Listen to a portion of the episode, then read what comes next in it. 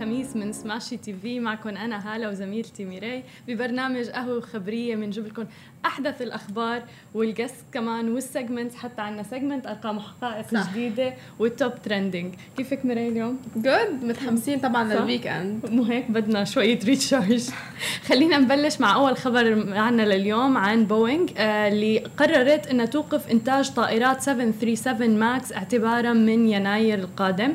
737 آه، ماكس ممنوعة من التحليق من تسعة أشهر الماضية بسبب كارثتين جويتين صاروا آه، بسبب تحطم طائرة من طراز التابع لشركة Lion Air آه، بأكتوبر 2018 بإندونيسيا.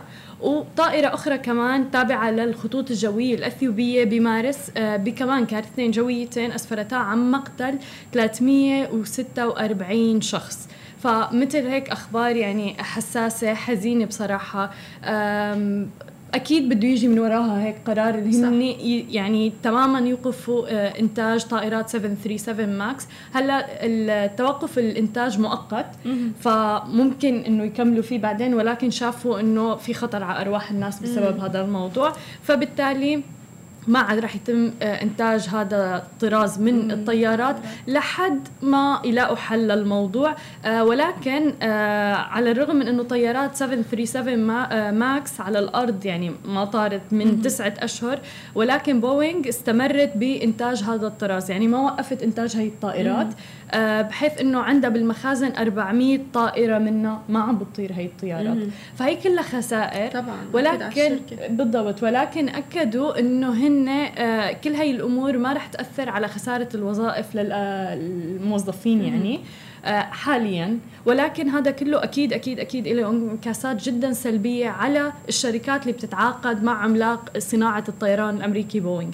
يعني تخيلي أنت كل القطع كل الشغلات اللي لها علاقة بالطيارات آه هلأ هن ما عاد رح يتعاملوا مع الشركات. وأنت عم تحكي عن إنتاج شركات طيارات جدا ضخمة. كبيره وضخمة طبعا بالضبط. أكيد. فتصوري أنت يعني متوقع هي الشركات عم متعاقدة مع بوينغ أكيد اعتمادها بالإيرادات الأساسي بيكون مثلا من بوينغ فبيكونوا معتمدين كليا عليه. فبالتالي صح. هذا الموضوع خسارة كبيرة وله انعكاسات رح تكون جدا جدا سلبية على هذا الموضوع. بس الموقف اللي أخذوها لا لازم كانوا ياخذوه لأنه أصلا تخوف العالم أول ما نعرف إنه طيارة وقعت تلقائيا ما بقى منسافر شو اسم الطيارة من أي بلد؟ ما بقى منسافر يعني تلقائيا يعني بقلب الطياره مش مزحة بالمرة هي مش سيارة عم نتحادث. آه، طيارة وفي أرواح صحيح. عالم. آه، بس هلا إذا نحن بدنا نقارن من قبل سنين لهلأ عم بتقل كثير آه، وقوع الطيران أو حوادث الطيران. لأنه عم يعملوا طبعا الدراسات حتى ال documentary في documentary على Nat Geo دائما بحضره أنا اللي هو عن الحوادث تبعول الطيران. إيه. فلحاله هيدا بنبه كمان يمكن الكابتن أو حيلا شيء هو اللي بيعملوا experience عن تجارب تجارب سابقه وتجارب صارت فعليا صحيح. بأرض الواقع وبيجسدوا لنا إياه ك documentary أو كفيلم وثائقي صحيح. عن الأغلاط اللي بتصير آه، اوقاتا إن كان الكابتن إن كان من زر صغير آه، آه، كابسه غلط أو شيء تخيلي مرة كابتن جايب ابنه آه وكان حاط طبعا على ال auto إنه تطير الطياره وجايب ابنه مفوته إنه مشان يصوروا هالخبريات. وفجأة الابن بيكبس كبسة مش ال auto تبعت إنه آه، ال manual لأنه exactly ال manual. وبتوقع الطياره كرمال هاي الغلطه ما هي ما فيها كرمال هاي الغلطة الصغيرة. ما فيها مزحة بالمرة واوقات بنشوف كثير ركاب بدهم يفوتوا عند الكابتن يتصوروا. آه. مش هينة بخلوهم سم تايمز بس مش لكل العالم. مش هينة لأنه كثير دقيقة. كبسة لحالها آه، بت بتوقع طيارة انت مسؤولة أرواح. عن أرواح ناس طبعا. يعني مو شخص حتى مو شخصين. بعدين مثل ما انت قلتي يعني مثلا هي مو سيارة وحتى السيارة إذا مثلا آه عرفنا إنه في عطل فيها أو في خلل أو شيء بتلاقي العالم ابدا ما عاد راح تشترط مثلا منه فما بالك طيارة والناس يعني طيارة. إيه حتى الدوكيومنتري هذا اللي دائما أنا هيك بتشوق أحكي عنه لأنه عن جد ببين أغلاط والقصص آه، منه الأشخاص بياخدوا فكرة ومنه كمان الكابتنز وغيره صحيح. بيتعلموا. فمشان هيك عم بنشوف كمان عم بتقل الحوادث. مم. إذا بدنا نقارن من سنين يمكن أواخر ال 25 أو 30 سنة. مم. وهلأ عم بتقل كثير الحوادث. ومعروفين يمكن الطيران العالميين أو الطيران اللي, الواحد عنده ثقة فيهم عنده ثقة بال captains تاعولهم لما تقولي مثلا آه مثلا Middle East معروف إنه الكابتن بالهبوط وال... ولما يطلع كثير صاروا معروفين معروفين مين؟ حتى معروفين مين الكابتن. وهلأ كمان آه، آه، فخر كتير كبير إنه عم نشوف كابتن بنات. إيه صح. في بالسعودية. بنات وفي بلبنان بنات صحيح. كمان. فعن جد فخر لأنه هاي مسؤولية وبتعرفي دراستها قد إيه بدها تاخذ وقت. وما كان هذا الشيء موجود قبل صح. بصراحة. أبدا أبدا. يعني ما كنا نشوفه إطلاقا. إن كان المعروف إنه بمجال الطيران المضيفات هن البنات بس. صح والكابتن طيارة اللي هو رجال. لا هلا عم إيه. نشوف إنه كابتن طيارة عم بتكون بنت وبنت عربية شفنا بالسعودية وشفنا بلبنان. هذا فخر صحيح. كثير كبير. فعلا. آه فإيه قصة مثل هيدي قرار أخذوه الشركة كان بمحله. أكيد طبعا. ومن خبرية هالة خلينا ننتقل للخبر الثاني معنا اليوم هو تحديدا عن نتفليكس.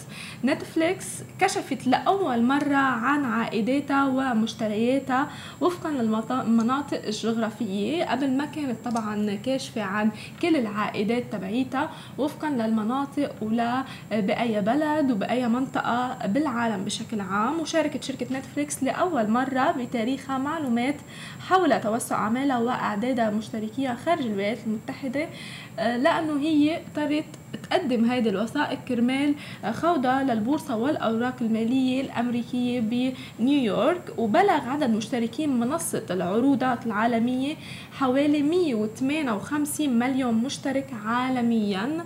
أنتم بتتخيلوا 158 مليون مشترك عالميا لنتفليكس. آه نحن كثير عم نحكي عن المنصات آه عبر الاشتراك طبعا. قد إيه المنافسة كثير قوية قد صار في غير نتفليكس كتير ونتفليكس هي كانت من الأوائل. قد عم بينافسوا بعض إن كان من الميزات الجديدة إن كان من العروضات اللي عم بيقدموها من العالم إن كان من خفض تكلفة الاشتراك شهريا. هذا كله طبعا بيأثر على كمية الاشتراك والأهم من هذا على المحتوى اللي عم بتقدمه كل منصة آه كل منصة عبر الاشتراك طبعا. ومثل ما ذكرت 158 مليون مشترك عالميا وكان أغلب النمو منذ عام 2017 ونحن بنعرف إنه 2018 2019 شوي آه، نتفليكس تأثرت بأمريكا آه، كمتابعين لها أو كمستخدمين ومشتركين لمنصة نتفليكس. بس هلأ نتفليكس عم بتضخ أكثر من 420 مليون دولار للمحتوى الهندي وال target audience تبعها آه، بالهند طبعا. أو بتجدر الإشارة أنه بالولايات المتحدة وصلت النسبة لسنة 2017 90% بمجمل النمو 90% كتير رقم كتير كبير. كتير عالي ونمت عدد الاشتراكات بالقارة الأوروبية من نسبة 140% بالربع الأول من عام 2017 140% بقارة آه، أوروبا. ونحن بنعرف إنه كمان بال Middle East خاصة في عالم كتير بتحضر نتفليكس ومشتركة بمنصة نتفليكس. آه، وطبعا أما دول أمريكا اللاتينية فقد وصلت الاشتراكات فيها ل 29.4 مليون بزيادة وصلت ل 14 مليون اشتراك خلال ثلاثة سنوات. تقريبا. ووصل آه، الشركة آه، طبعا المجموع تبعها للدولتين 7.4 مليار دولار بالربع الأول حتى الثالث من العام. آه، قليل ما بنشوف هلا شركات عم بتحط بصريح العبارة بصريح الأرقام. حتى بال, بال إذا بدنا نقول عالميا بشكل عام عم بتحط الأرقام. وخاصة هلا عم نشوف المنافسة كتير كتير قوية بين كل هول المنصات. تحدي يعني. تحدي بين بعض. استقبلنا كمان من يومين صحيح. زوم. من ستارز بلاي أرابيا. حكينا عن نتفليكس خوضة ب آه، طبعا آه، بالهند. وضخ 420 مليون دولار بالمحتوى الهندي. وحكينا كمان على الاحتكار. صحيح. فاعطانا رأيه على قصة الاحتكار. كان آه، دقيق نديم من ستارز بلاي قالنا إنه الاحتكار بديزني بلس هي شالت طبعا كل المحتوى تبعها. وحطته عندها بس ما شالته بال Middle East. هذا اللي حلو فيها إنه هي ما شالت المحتوى بال Middle بال Middle East بس أكيد عم يتوقعوا من هون لسنتين حتشيلوا. هي شريته طبعا بأمريكا. طبعا آه بس ما شريته بال آه بال Middle East. ما بعرف هيدي قصة المحتوى كمان قد إيه. مثلا أنا كنت مشتركة قبل بنتفليكس. حتى قلت له لنديم هلأ ماني مشتركة بنتفليكس. بس بدي أشترك هذا الشهر كرمال Vikings مسلسل واحد إيه. كرمال. أنت ممكن أنت تشتركي بكذا منصة لأنه هن بيختلفوا بالمحتوى. ما بتوقع بدنا عن جد خلص منصه واحدة يعني نركز عليها ويكون فيها المحتوى اللي بيشمل الكل. هلأ صاير كتير متفرق حتى أنواع المحتوى اللي موجودة بكل منصة. يعني مثلا ديزني أفلام أفلام ديزني ثلاثة. نتفليكس أنت تروحي على ديزني بلس أكثر من محبي هدول ما بعرف ما بصراحة ما بعرف. أنا ما كثير أصلا بتابع يعني. بس أنا مثلا نتفليكس كثير بحبه لل documentaries يعني. صح. okay فالوثائقيات اللي عليه مثلا كثير حلوين. أه، بحب تابعهم حتى نتفليكس Original اللي عندهم مثلا كثير بحبه. صح انتاجهم. انتاجهم حلو وتحديدا موضوع الوثائقيات وهي الأمور عند نتفليكس يعني لطيفة حلوة. ولكن فعلا ضاعوا يعني الناس. مثل ما قلتي انت تصوري إنه أنا شهر إيه؟ شهر بنتفليكس شهر بهذا منافسة جدا قوية طبعا. أرقام جدا قوية حتى مشاركة نتفليكس لكل هاي الأرقام بحسها تحدي بحد ذاته إنه نحن عم نعمل هالقد. صح وهي مجبورة أصلا إيه. كانت بهذا الموقف تشارك كل المعلنين عن الإيرادات تبعولها لأنه حتخوض البورصة العالمية بنيويورك فهي بدهم يعرفوا طبعا إيراداتها. كرمال العالم إذا تشتري أسهم أو طبعا. غيرها لتطمن بكل ثقة نتفليكس. رح أنا عندي مثلا إذا بدي أشارك بالأسهم أشتري بالأسهم يكون عندي حصة القصة بكل ثقة أنا فعلا ممكن أشتري لسبب إنه الإيرادات جدا صح. عالية بعدين حتى عم بيستثمروا بكثير إنه أماكن تانية وعم بيعرفوا كيف آه كل منطقة جغرافية آه وين استثمر فيها وين طبعا ضخ شو ال audience تبعها وشو طلبها وكل هول الخبريات. يعني صرنا هلأ بعالم المنصات آه طلب عند الاشتراك. ما بعرف لامتى بعد واصلين ومين حيطلع بعد منافس كل اللي هول الشبكات. وقد نحن حنلحق بين كل واحد صح.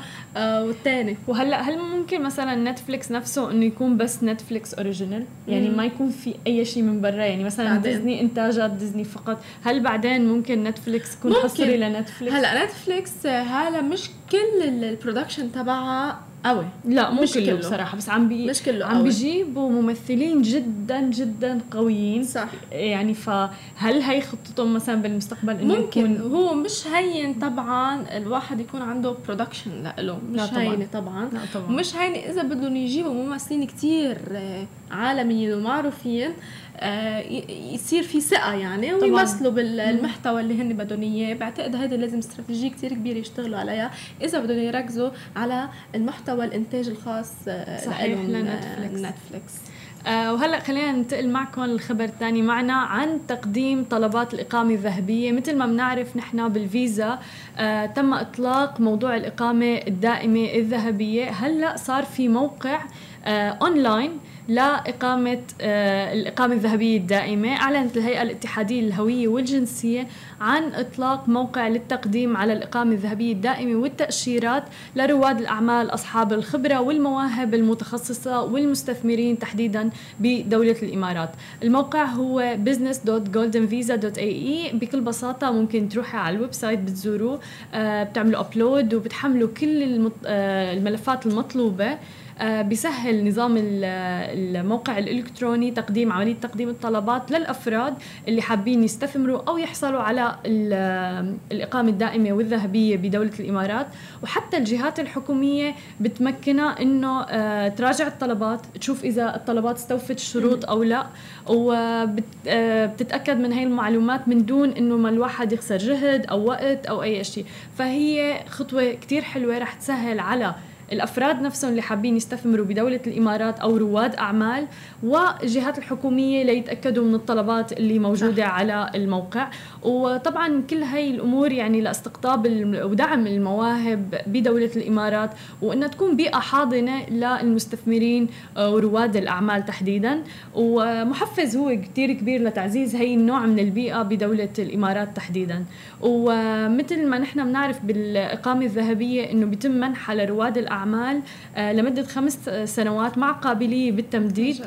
وللمستثمرين ممكن إنه يحصلوا على إقامة دائمة ذهبية بدولة الإمارات في حال استوفوا الشروط كاملة. حلو كتير. أصلا أول ما طلع الخبر هالا أو صاحب سمو الشيخ محمد بن راشد ال مكتوم عمل تويت عليه حكينا فيه بسماشي تي في وكنا مبسوطين فيه صحيح. وكانت مبادرة كتير حلوة. بعدين المملكة العربية السعودية تساوي شيء مشابه له آه، لحالها إقامة ذهبية لحالها الكلمة الكلمة بتكفي آه، قد إيه بتشجع المستثمرين طبعا يضلوا هون لأنه في عالم من 30 سنة في عالم أكثر من 30 سنة صحيح. بدولة الإمارات في عالم حتى من زمان زمان هون شهدت هي الاتحاد هون لهالدرجة صحيح. وخلقت هون آه وبتعتبرها طبعا الإمارات هي بلدها آه إذا مش الثاني الأول كمان صحيح. قبل بلدها فتخيلي إنه يكون في إقامة ذهبية يكون مشروعك الكبير هون وخلص انت مستقرة هون. مطمنة. هون. مبادرة كتير حلوة. آه أول شخص اخذها آه بعتقد من باكستان. أتوقع آه كان من باكستان كمان حكينا عنه. آه بس لحالها قصة الأونلاين آه يعني كل شيء هلا أصلا عم يتجه نحو الأونلاين. فكمان الإقامة تبعك تقدري تعمليها أونلاين والإقامة الذهبية. اونلاين يعني. بعتقد هلا خلص كل شيء صار أونلاين بدولة الإمارات. وحتى لا تطلع 2021 ما في شيء بالمرة رح يكون ورقي صح. بالمرة بالمرة ابدا ابدا. هي هي كلها متجهين نحو استراتيجية إنه حكومة بلا ورق Smart Dubai فبالتالي يعني وكل كل خطوة بتجي وكل مبادرة بتجي لسه بتأكد على هذا الموضوع أكثر وأكثر صح. خلينا نروح break ومن بعد ال break بنكمل أخبارنا.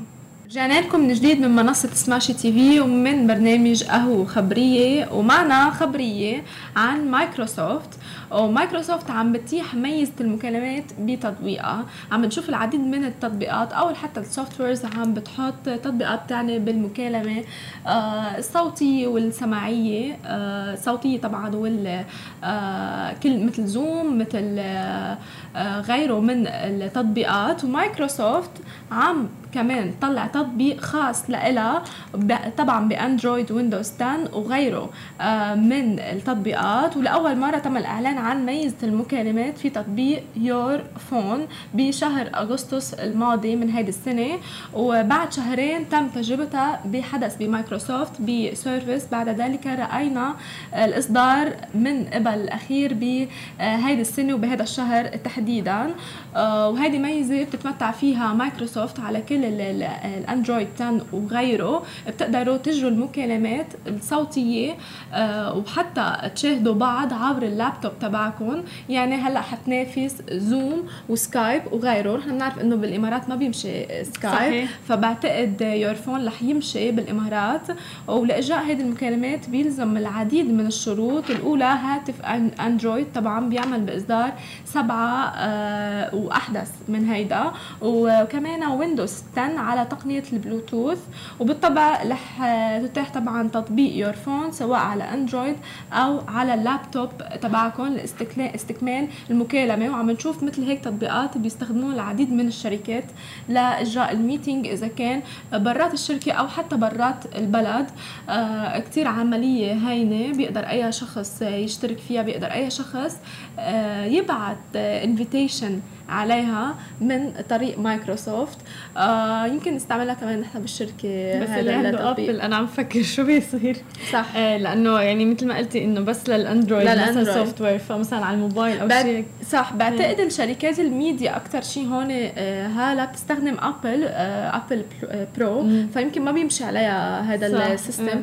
بس الشركات البقايا بيستعملوا لابتوبات عادية. بس بتعرفي هلا أي شيء كمان مايكروسوفت نحن بننزله already على الماك مثلا. صح. فبالتالي يمكن حتى هذا إنه يمكن إيه، يمشي آه آه يمكن هلأ بعده آه تجريبية طبعا لهم وأكيد حيصيروا يعملوا شيء بيقدر على كل اللابتوبات وعلى كل الأجهزة ولأنه مهم لأنه مثل هي التطبيقات تحديدا مثلا بال meetings وبمجال ال office وهي الشغلات آه، بتلاقي إنه الواحد قاعد إنه عم تسمعني كذا هيك. صح. يعني عم ضيع وقت بس إنه آه، زابط شغال الصوت أو لا. فبدنا عن جد شيء عملي خلص. صح. لا. آه هلأ زوم عم يشتغل شغل كتير حلو. صح. آه ما كتير عم بيعلي آه بس مشكلته يمكن لما الواحد ما لازم كذا شخص آه ما فيك إيه. بالشركة يحكي عليه وهو ساعة بس. يعني أنت مثلا فاتحة بعد ساعة ساعة ودقيقتين بنقطش. آه اللي بعرفه بلا ساعة بس للشخص. يعني أنت مثلا عم تحكي عندك meeting مع برا ساعة الزوم. okay. آه فساعة بس. للشخص الواحد. بتقدري بعدين ترجعي ساعه باليوم. يعني أنت مثلا فتحتي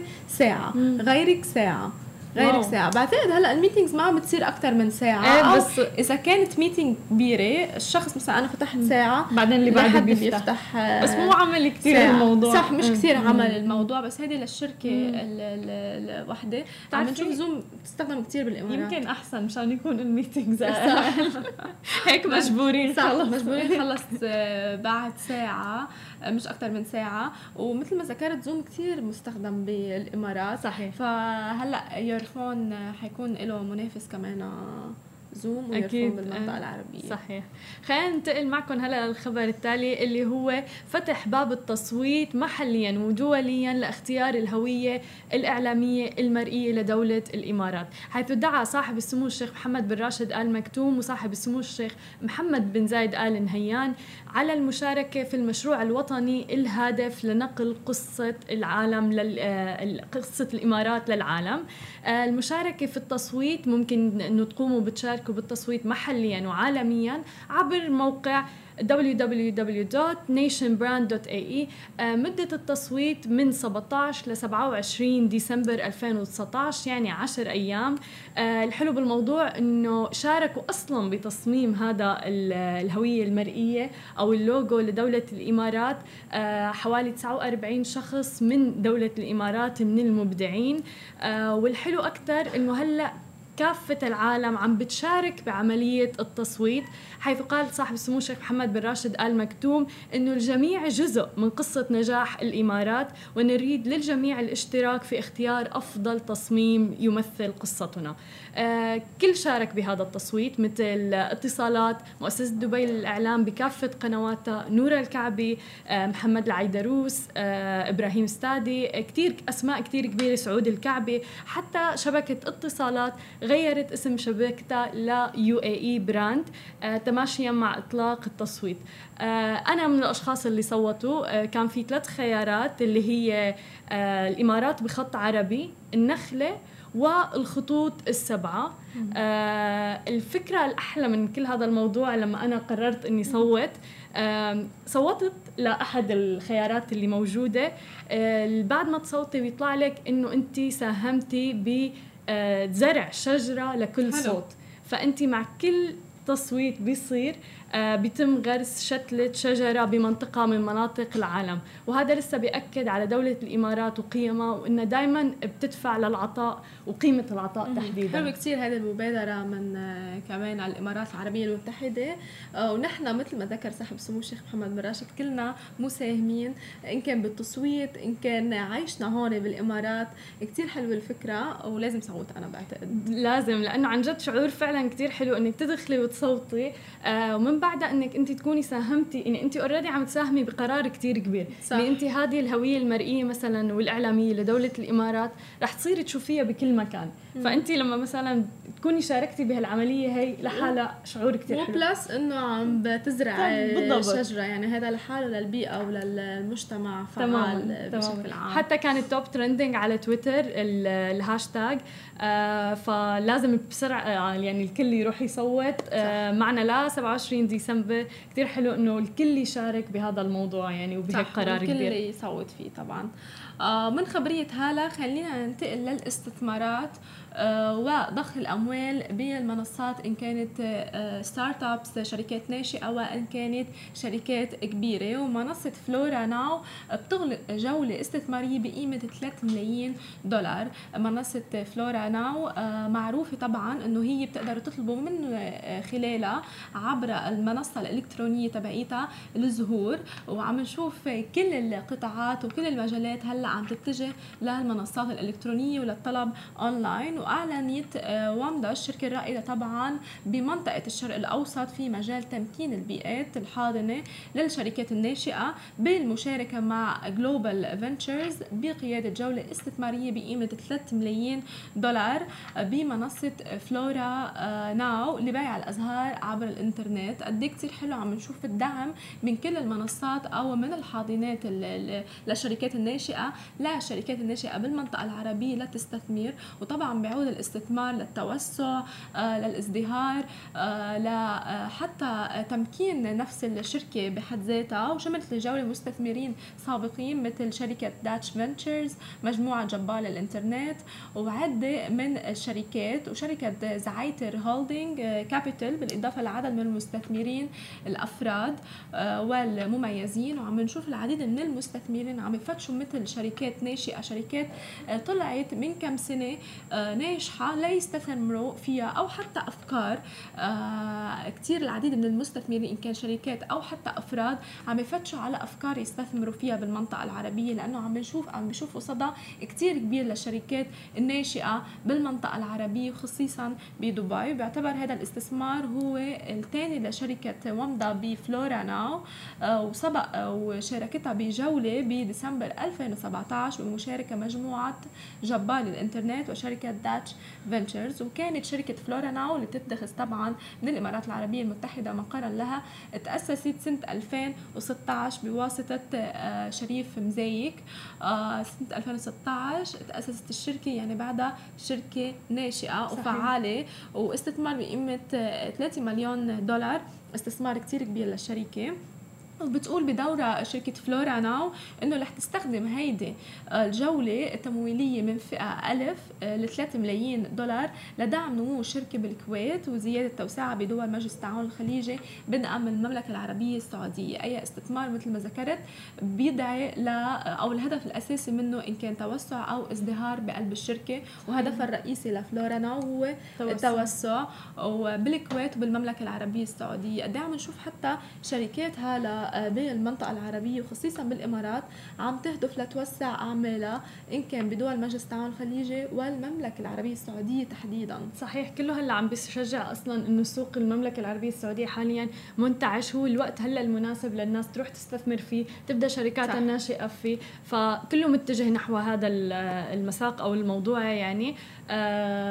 الأرقام اللي عم نشوفها كثير حلوة كثير مشجعة. آه، الفكرة يعني هي كلها قصص نجاح. صح. يعني أنا لما بشوف إنه شركة من ثلاث سنين تم إنشائها هلأ عم تحصد بعد ثلاث سنين ثلاث سنين فترة ما طويلة مم. ابدا. طبعا. تحصد آه، استثمار بهذا شركة ناشئه بالضبط. بهذا الرقم الكبير أنا بتوقع إنه هذا يعني أكبر دافع لأي شخص عنده فكرة إنه يروح ينفذها مباشرة. صح. لأنه في مجال سوق واسع وبضم طبعا. جميع الأفكار حتى يعني. يجي يقولها هلا أنا عم بتلقى مثلا آه، آه، اتصالات من عالم نعرفها عم بتتابعنا على منصة سماشي تي في عم بتقول أنا بحضر ال program أو مثلا بنشوف ضيوفكم لأنه عم فتش على فكرة عم فتش هو مستثمر بيكون أنا عم فتش على فكرة صحيح. عم فتش على شركة ناشئة تجذبني الفكرة تبعيته مش بس الفكرة كمان الشخص بحد ذاته لازم يكون آه، متناسق مع بعض لا استثمر فيها فمنصة سماشي تي في بالذات هي منصه حاضنه لكل الشركات الناشئة للافكار لكمان نسلط الضوء عليهم. للمستثمرين يجوا يستثمروا فيهم آه، ويضخوا أموال طبعا لنجاح العديد من الشركات بشكل عام. صحيح. حنروح break ومن بعد ال break بنرجع. رجعنا لكم من جديد ومعنا خبر عن آيكيا افتتاح أكبر متجر بدولة الإمارات وأطول برج بالعالم بيحمل اسم آيكيا. آه افتتحت الايكيا العلامة السويدية امبارح أكبر متاجرها في دبي وثالث متجر بالحجم الكامل بالإمارات بمنطقة جبل علي تحديدا. وكشفت آيكيا كمان إنه بهذا الفرع في مخبز كنا نحن عم نحكي تحت الهواء عن أكلات آيكيا. اللي رح يكون متج... آه، جديد مخبز فيه كل المخبوزات السويدية الناس كثير بتحبها أصلا. وحتى آيكيا ما مكان بس للاثاث كثير في ناس حتى بتروح كانت تتغدى فيه يعني, إيه يعني الأكل اللي فيه القهوة اللي فيه له طعم خاص. فكمان هي آه، إضافة لهذا الفرع بآيكيا. ومثل ما حكينا هو رح يحمل أطول برج بيحمل اسم آيكيا بالعالم بيبلغ ارتفاعه 70 متر. وبتقدم ايكيا خدماتها ومأكولاتها الأصلية بدبي لأكثر من 1.7 مليون عميل سنويا. انت متخيلة 1.7 مليون عميل سنويا بيروحوا لأيكيا سواء للأكل سواء للأثاث وأكلات كتير طيبين يعني طبعا. صحيح. كأنك رايحة على مطعم أصلا متخصص بالأكل مش تماما. وأسعاره ما غالية صح. كمان يعني أسعار المأكولات عنده ما غالية. أنا من الأشخاص اللي بستمتع بزيارة أيكيا جدا وكتير سعيدة إنه صار بهذا الجزء يعني من دبي صح. أنا تقريبا بروح يمكن كل أسبوع مرة أو كل كم أسبوع مرة يعني. آه يعني هالقد هلا بتروح هلا أنا مبسوطة أكثر لأنه كتير قريب من بيتي كتير صحيح. كتير. بجبل علي بالجاردنز كتير قريب لأنه الواحد كان يعتل هم يروح مشوار آه مشوار بصراحة إذا بعيد إذا العالم ساكنة بهيدا الميلة أو جبل علي.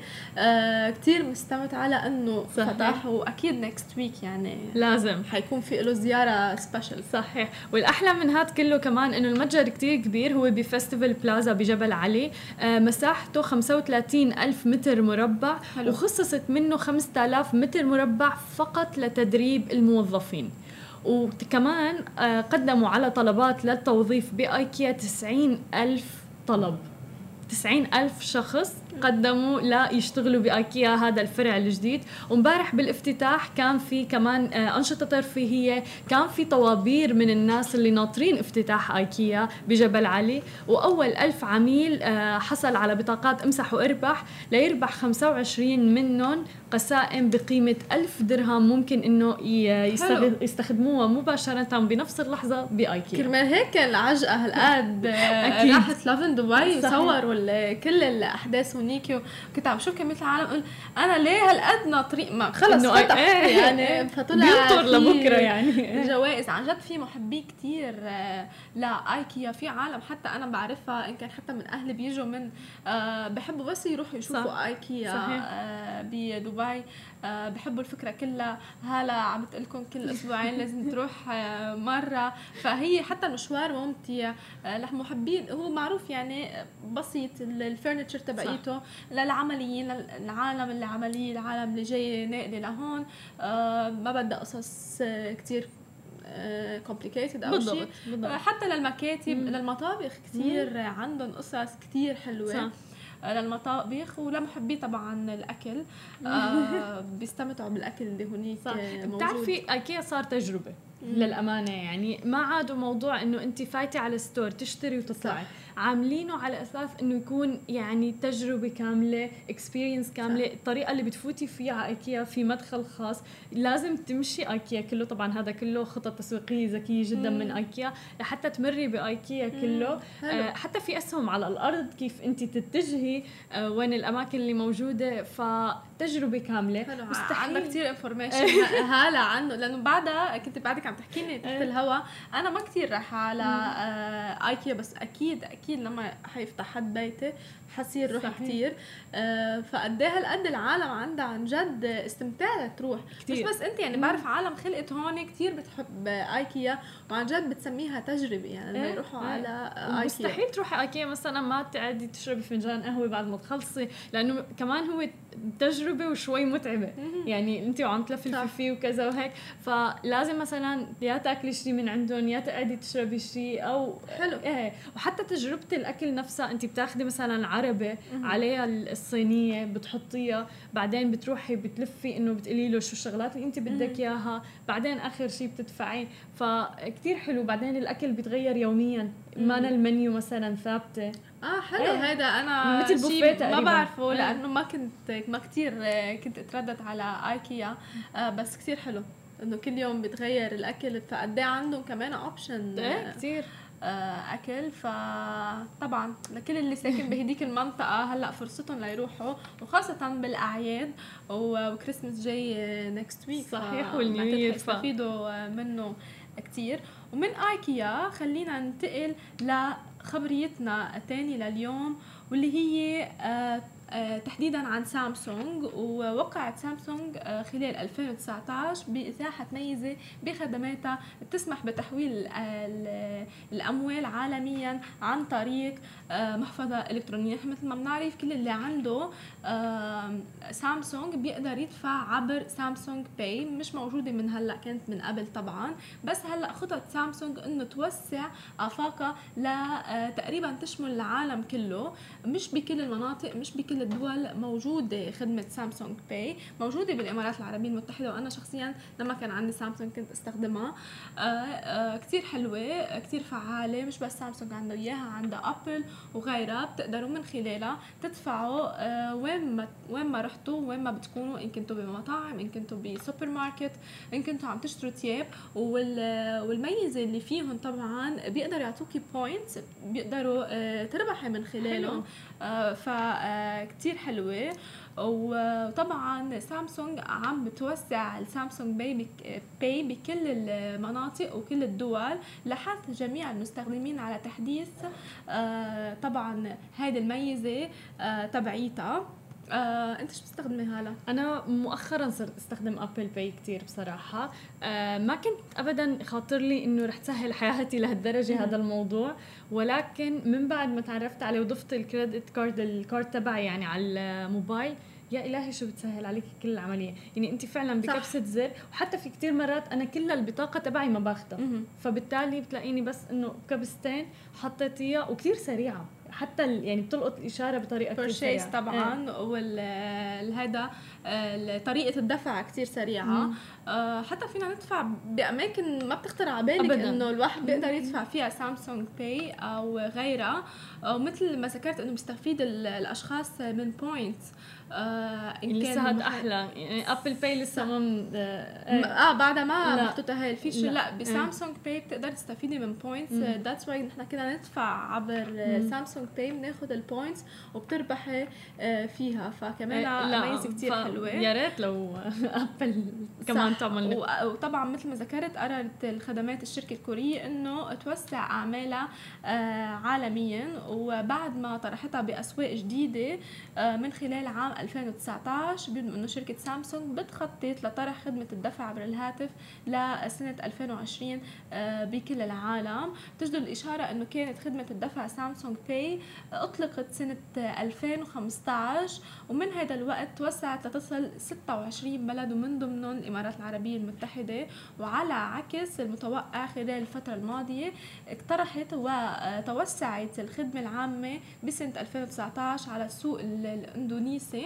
كانت من أوائل الأسواق اللي كانت فيها سامسونج باي وبعدين آه توسعت قد إيه عم نشوف هلأ كل الشركة عم بتروح للمنصات الإلكترونية أو حتى اهين شيء الواحد بيقدر يدفع من خلاله. ما يستعمل يمكن بطاقة الائتمان ما يستعمل الوالد تبعيته أو المحفظة تبعيته. دغري عبر التليفون أنت فيك آه، تدفعي آه، مدفوعاتك.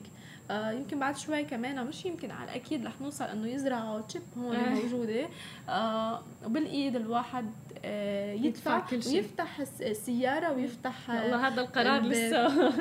وكثير آمن. آه. عملوه طبعا برا. وتبنوه دولة الإمارات العربية المتحدة حبوا الفكرة. وكانت اتصالات كمان عم بتشير صحيح. لهذا الموضوع. وممكن نلاقيه يعني بعد كم سنة قريبة هون. تعمليها أنت؟ ما بعرف بصراحة يعني إني أزرع شيء جواتي. يعني ممكن جرب بس إنه إذا بسهل علي الموضوع أكيد ليش لا؟ لأنه عن جد هذا الموضوع إنه أبل باي أو سامسونج باي كتير كتير سهل علينا عملية الدفع كتير سهل علينا الوقت. آه، الواحد هو عم بيعبي بترول أنت بس بتعطيه بثانية بيكون دفع. آه كثير مرات أنا الاشخاص اللي ما كثير بحب أحمل معي شناتي وهيك شغلات فكثير آه بفضل إني بس موبايلي يكون بإيدي. ويكون كل شيء موجود كل شيء موجود ما في داعي لل card آه يعني بتوقع حتى أسهل الموضوع إنه آه للسرقات طبعا لكل هي بلاد برا في سرقات كثير وهيك بحس تليفون وبحس كمان هاي ال chip بتنفع معهم كثير منيحه إيه. في بتنزرع هون وفي تشيب بتنزرع هون فكتير حلو يعني بعتقد إذا بده يتم السرقة يعني يعني, يعني خلص ما عاد في. يا بتم آه، سرقة الأموال. أه ما بعرف يعني لنشوف إذا صارت بالأسواق إذا ممكن نتشجع ونجربها أو لا. بس أنا مع يعني وكثير حلوة خطوة إنه في نقاط في شيء ممكن تربحي. انت وعم تدفعي يعني انت عم تدفعي أصلا مصاريفك اليومية بشكل عادي. فخلينا نشوف أكثر ال features الموجوده لعمليات الدفع. وهلأ من الدفع خلينا ننتقل لفيسبوك آه، اللي فرضت ضريبة على الإعلانات بدولة الإمارات.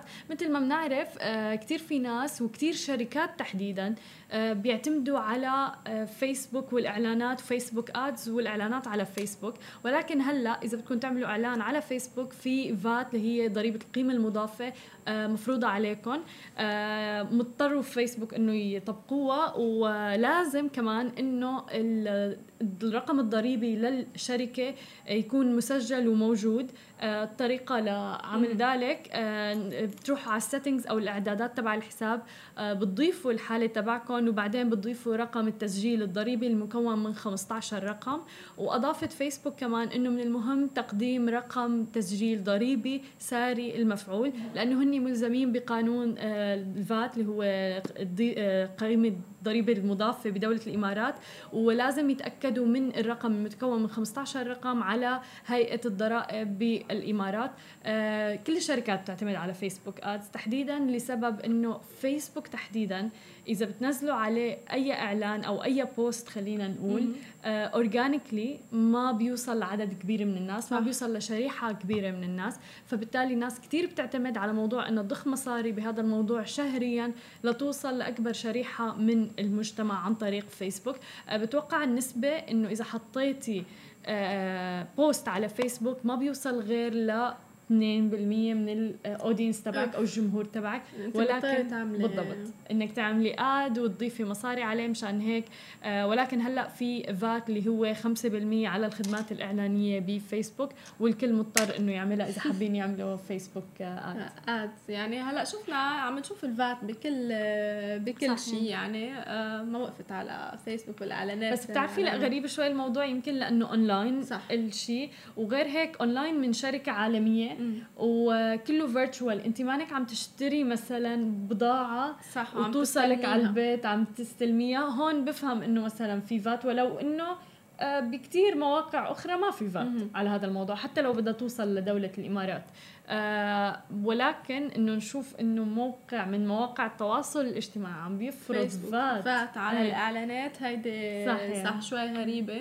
آه بس عم نشوف الإعلانات كمان والميزات الجديدة من فيسبوك بخصوص الإعلانات إن كانت شوي فيها آه يمكن بعيدا عن تويتر اللي هي قصة الإعلانات السياسية هي ما ما فاتت هيدا يمكن المعمعة كلها هي بهمها تدخل يعني صح. كمان إيه؟ فبهمها تدخل من هالموضوع وبهمها قصة ال VAT عادي يعني مم. تنحط ما بنعرف إذا هيدا رح يقلل من الشركات إذا تحط إعلانات على فيسبوك ما أتوقع لأنه فيسبوك منصة يعني مكتسحة العالم وكله موجود صار عليها ما بعرف إذا رح يقلل من هذا الشيء وكمان ما ننسى إنه فيسبوك مرتبط بإنستغرام هلأ صح. فال ad اللي مثلا بدها تنحط على فيسبوك في option إنه كمان تنحط على انستغرام مباشرة. وإنستغرام منصة قوية جدا جدا جدا بدولة مم. الإمارات. وفيسبوك ما زال بالصدارة بالوطن العربي. مم. ويمكن بعد الاندماج كمان تبعهم إذا الحين يدمجوا بعض هذا بتطبيق واحد. خلينا نشوف. فبتغير كل المعايير. آه ومن فيسبوك خلينا ننتقل لواتساب. آه وبعدها طبعا بشركة الأم آه فيسبوك وصار في تعطيل صغير آه بواتساب هيدي الجمعة آه وتحذير لجميع مستخدمي واتساب بتعطيل التطبيق وحذف كل البيانات. وخاصة تخيلوا أنتم لما تكونوا عاملين group وعم تحكوا وفي أوقات الجروبات يعني بتنحط يمكن آه معلومات كتير مهمة يمكن شركات كتير كبيرة وفجأة بيمحى عندكم كل ال data حدا عم يبعت آه link وبيمحى كل ال data على الواتساب تبعهم آه كارثة. آه مثل ما قلت قبل إنه كل شيء يندق فيه إلا الواتساب. آه يعني اوقات بيكون معلومات مهمة اوقات الشخص مسيب يعني عامل سيف لكل الكونفرزيشن تبعيته معلومات مهمة. وطبعا واتساب حاز جميع المستخدمين على تحديث الواتساب الاحدث إصداره. آه طبعا كرمال يتجنبوا كل هيدي التحديات وكل هيدي التعطيل. آه صار في عطل كان في group آه محطوط على واتساب وانبعت link مثل هاك وانفتح هذا ال link وانفتح وحذفت تلقائيا كل البيانات تبعولهم.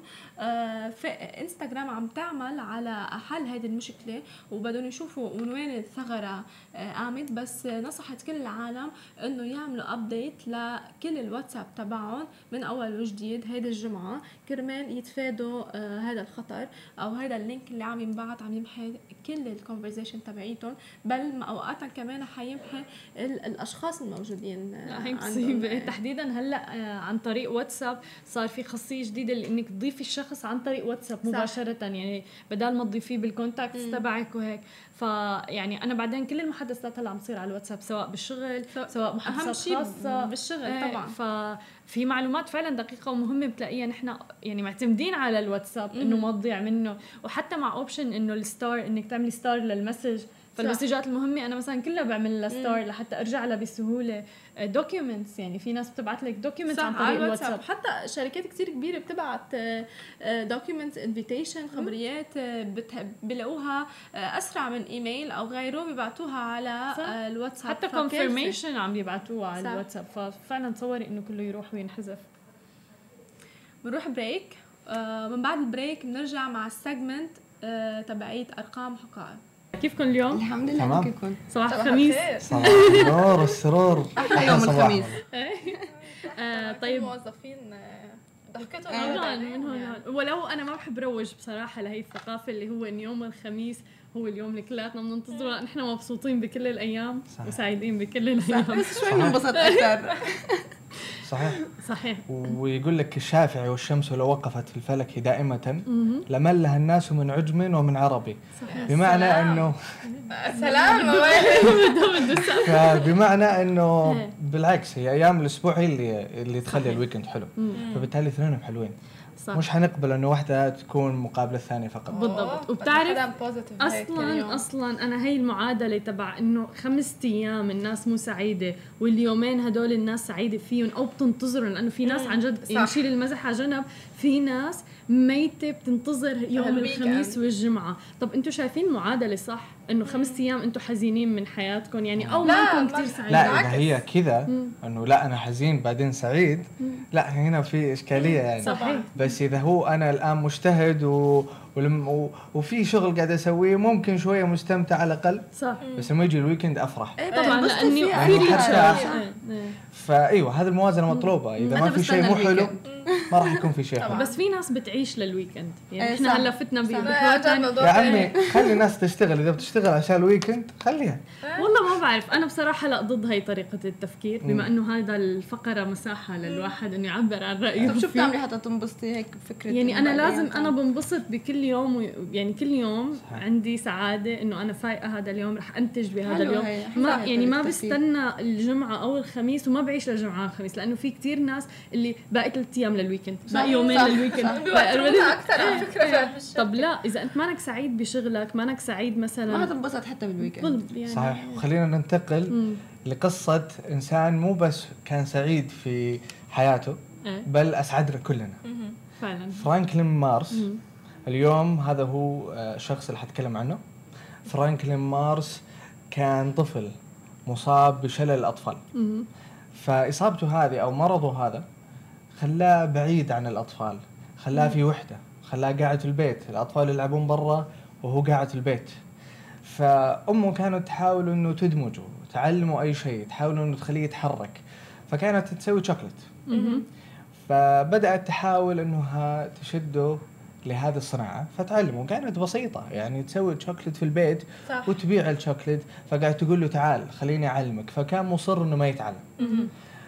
ولكن في المقابل كانت هي مصرة أكثر إنها تعلمه. أوكي. إلين يأس في يوم من الأيام وحس إنه فعلا يعني هو ما عنده شيء قاعد يسويه والأطفال برا يلعبون وهو مصاب ويعاني بشلل الأطفال. فبدأ وتعلم وسوى الشوكليت. وأمه في هذا الوقت نادت الأطفال نادت أصدقائه. شوفي الذكاء شوفي ذكاء الأم هنا. صحيح. نادتهم علشان يجون ويتذوقون الشوكليت. حلو. فصاروا يوميا الأطفال هذول يجون كل يوم عند فرانكلين آه، مارس, مارس. علشان يجربون الشوكليت حقه فهي دخلت من المدخل الذكي والقوي في إنه هي كيف تدمجه مع الناس ومع العالم. صاروا يجون كل يوم علشان ياخذون شوكليت فوصل لمرحلة إنه حط عربية في آه، أو أمام بيته وبدأ يبيع على الأطفال هذول. يوم بعد يوم صارت الناس تجي أكثر. فالرجال عجبته أو الطفل في ذاك الوقت عجبه الموضوع. فقال لأمه إيش رأيك نضيف نكهات؟ أوكي. حلو. وبعده هيدا طفل كان بعده صغير وعم مم. بيطلع هيك عم يخترع. بالضبط. قال قال قال لها إنه إيش رأيك نضيف نكهات؟ أمه رفضت.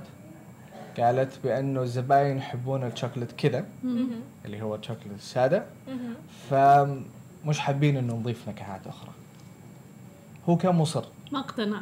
بالضبط. مم. لا أنا أبغى اضيف نكهات. فقال لها خلاص أنا بسوي نكهات لحالي وحبيعها لحالي.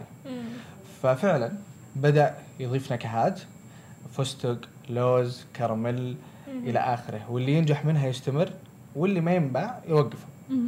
فصارت الناس دائما تستنى فرانكلين مارس وكل ما يجي يبيع بسرعة ينباع البضاعة حقته. الناس تستنى البضاعة وتصير sold out في آه، يعني وقت قصير. فقرر إنه يفتح محل في وسط المدينة نجح المحل هذا. ففتح مصنع مباشرة. وكان واحدة من أهدافه إنه يعالج نفسه. حلو. فعلشان كذا فتح المتجر اللي في وسط المدينة. يعني بالأرباح اللي عم تجي بده بالضبط. يعالج نفسه. ولكن لما فتح المصنع بعد فترة دخل في ديون وخسر فقفل المصنع. فدخل في مشاريع أخرى. أوكي. وحاول إنه يستثمر. حاول إنه يجمع المال حاول إنه يوقف على رجله مرة ثانية. وفي عام 1920 فتح مصنع مارس مجددا. فرانكلين مارس هو من يملك مصنع مارس. واليوم شركة مارس تعتبر آه، رقم واحد على العالم موجودة في كل مكان موجودة في كل الدول في أوروبا في العالم أجمع. اليوم شو جايب لنا معك؟ نحن ميتين لنعرف شو في أصلا جوا هذا الصندوق. يعني مثلنا مثلكم ما. كان يخبرنا عبد المحسن بالمرة شو بقى؟ البداية جايب لكل واحدة أوكي. أنا حبيت الحلقة already خلص thank you فرانكلين مارس. شكرا. فرانكلين فرانكلين مارس. شكرا. وهذه لي بعطيها ال- البرودوسر بعد الحلقة. كريم. ولكن المفاجأة أيوه بأنه مارس لا يملك فقط مارس. هو مشروع أضخم وأكبر من كذا بكثير والسر كله في موضوع إضافة النكهات اللي كان آه، مصر عليه وصرح يعني فرانكن مارس في حياته بأنه كانت أذكى خطوة. هي إصراره على أنه هو يبغى يضيف نكهات ولا يتوقف في. مجرد بيع شوكليت حلو حلو. فلذلك اليوم مارس أو فرانكلين مارس لا يملك فقط مارس بل واو. في لسه Galaxy آه Galaxy آه. لإله أنا ولا مرة كنت عارفة ولا أنا. إنه لنفس ولو أصلا تشوفون؟ ورا تكت- مكتوب ترى مارس. يعني هنا حت حتلقون صح. مكتوب شركة مارس. لك خدمة المستهلك الإيميل مكتوب فيها مارس. صح. حلو. و Snickers كثير حلوة أوه. Snickers على فكرة أصلا يعني مرة يشبه مارس. صح. إيه، مرة يشبه صح. مارس. ف Snickers هذا بالنسبة لي يمكن ال top لأنه فيه فستق. وأنا وأنا كثير كمان. أنا. Snickers أكثر شيء ما تقولي Twix آه أوكي أنا باخذ. آه كمان لمارس حلو. Twix. إيش بعد لسه في؟ اسم الله كلها. Bounty لا. أنا بدي وكلها- ناخذ break نروح. وكلها من ورا ترى مكتوب آه، مارس. كلها مكتوب مارس كلها تحت شركة مارس. وأخيرا مش طبيعي. صح وفي برضه ملك Milky Way بس ما. لقيتها بس. فمش طبيعي الموضوع. انت ما عندك فقط آه، مارس. انت عندك كل هالشركات اللي فعلا آه، لو تدخلين البقال ما في إلا هي. صح. وش بقى؟ ملهمة عن جد قصته. آه كان. طفل آه آه عنده شلل اطفال وعالمي يعني نحن هول أكيد ربينا عليهم بالضبط. وبعد رح يبقوا لاولاد أولادنا صح. يعني هذا الشوكليت الموجود بقلب ال commerce الموجود بقلب السوق يعني هذا الشوكليت بس أنا ما توقعت. ابدا انه. بصراحة هو طبعاً. عنده كل هدول وأيضا يعني, يعني- جالكسي في دوف آه، في أوروبا صح في دوف في أوروبا صح وملكي صح. واي إيه. زي ما قلت إنه ما قدرت تجيبه ولكن بشكل عام أبرز نقطتين في القصة هذه هي أمه. صح كيف إنه قدرت تحتوي المشكلة. اليوم تدمجه بالمجتمع. انت عندك شلل اطفال ولا عندك إعاقة معينة وعندك مشكلة معينة صح. لا يعني إنه أنت ما تقدر تشارك الناس فخلاص ما تسوي ولا شيء. ممكن يكون فعال أكثر من الإنسان الطبيعي بقلب المجتمع. فهو يعني اليوم لو نفكر فيها يمكن لو ما كان عنده شلل اطفال كان ما قعد في البيت صح. كان ما كان وحيد كان ما تعلم صناعة الشوكليت ولا اليوم عندنا هذه الشركات كلها. عبد المحسن هذا تأكيد على كلامنا وفقرة امبارح اللي ناقشنا فيها موضوع الاختصاصات كيف أهمية دور الأهل بتسليط الضوء تكوين على تكوين الشخص ومستقبله وكيف يكتشفوا إنه شو الشغلات اللي ممكن يبدع فيها الشخص. طبعا. يعني رغم مثلا مثل أمه يعني في كثير أمهات أكيد رح يشوفوا الموضوع على إنه عائق. طبعا. أوكي؟ وإنه ابني شو بده يطلع؟ يعني في ناس كثير بتكتئب ترى الشغلة مرة مسهله يعني لو اليوم أصلا واحد من أطفالنا يعرف يسوي شيء زي كذا حنقول له يا عمي روح ركز في دراستك. صحيح تماما إنه شو بدك تطلع الموضوع مرة مسهل صح. يعني مو سهل إنه أنت تخلين طفلك يحاول إنه يبرز نفسه في مجال مختلف عن المجالات المتوقعة. طبعا. فيما بالك إنه هو زي ما قلنا عنده شلل اطفال وبالتالي بعد ما سوى الشوكليت خلت الأطفال كلهم يجون لين عنده. تماما. يعني, يعني حتى صار في كوميونيكيشن مع مع عالج نفسه من جوا. بالضبط. وقد إيه هلا وكان سعيد بإنه يحس إنه هو جزء من المجتمع. صح. آه قيم عنده قيمة عنده مهارة عنده موهبة إنه الأطفال هذول هو هو طفل في الأخير. يبغى الأطفال يبغى يقعد معاهم. طبعا. ثاني شيء فعلا حركة الأم. بالضبط. ثاني شيء آه أيضا كان ذكي في القصة هذه إنه اليوم إحنا نتكلم على إنه لما ننظر إلى قصص الناجحين دائما في اللي هي هذه لمسة الإبداع أو لمسة الجديد المجددين اللي هو أوكي الآن أنا كويس في كذا بس أنا أبغى أسوي extra طبعا وال extra هذا أو الزياده هذه هي اللي تحقق له النجاحات الباهرة هذه. طبعا. فبالتالي هو ما اكتفى بأنه يكون عنده شوكليت فقط. صح. وفعلا زي ما هو يعتبرها هي أقوى وأذكى خطوة سواها في حياته. مم. واليوم عندنا كل هالمنتجات. تعالج بعدين؟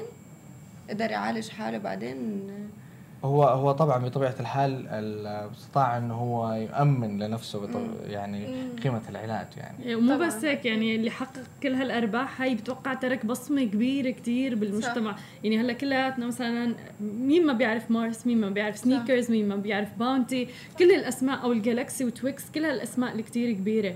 ف ويعرفوا قصته مين خلف هول ال product اللي نحن متعايشين معهم كل يوم. هذا بيأكد عبد المحسن قد إيه في عالم بتمرق بظروف بتكتئب. أنا في عالم بسمعها بتقول يعني أنا فاشلة ما بيطلع مني شيء لا في عظماء وكبار. كان وضعهم لا غير إنه أينشتاين مثلا سقط يمكن بالمدرسة تبعيته وقد إيه هو ذكي ومخت ما ما خص ما خص هي القصص بتعطيكي ف... إلهام عن جد. مخ... أي شخص أنا باعتقادي آه، بيقدر يعمل شيء وهو مميز بالشيء. بالضبط.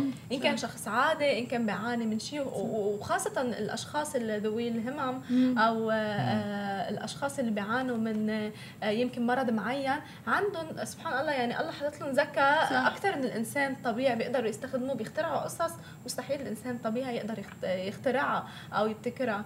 فكل إنسان موجود فيه يميز ويمكن اليوم في الوقت هذا صار تركيزنا على إنه الكويس في مجال معين فقط هو هذا الكويس. صح. بينما الكويس لا يعني إنه فقط دراسيا أو علميا. لا لا طبعا. هو ممكن أي مهارة أي طبعا. موهبة. وإنك أنت تكون زي ما نقول دائما بأنه أنت تكون راضي عن نفسك وناجح وسعيد. فمشروع زي هذا لو هو لو هو النجاح مالي فهو كسر الدنيا. طبعا. لو هو النجاح إنك أنت تسوين شيء جديد وتكونين الأولى فهو الأول.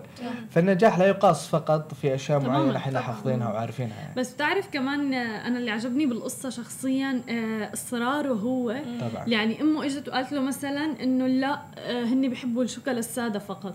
هو لا بده يتميز وبده يواكب ودائما بده يكون الأول. صح. فبالتالي راح وما سمع حتى إنه مثلا لكلمة أمه اللي هي بالنهاية هي سلطت الضوء على مثلا صح. قدرته ولكن هو صح. شايف المستقبل والرؤية واضحة أمامه صح. إنه هو بده يكون الرائد بمجال آه، صناعة الشوكولا مثلا فراح وعمل ال flavors الثانيين والإضافات الثانية ولك وين عنده واحد اثنين ثلاثة أربعة خمسة ستة سبعة ثمانية وتسعه عشر إيه تقريبا شي عشر أصناف يعني عالميين كل الناس والعالم ما كنت بتعرف إنه صاحب مارس هو أنا بعرف صاحب مارس.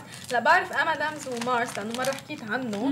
كان اللوجو تبع M&M's على الشركة بشكل عام. الشركة صح؟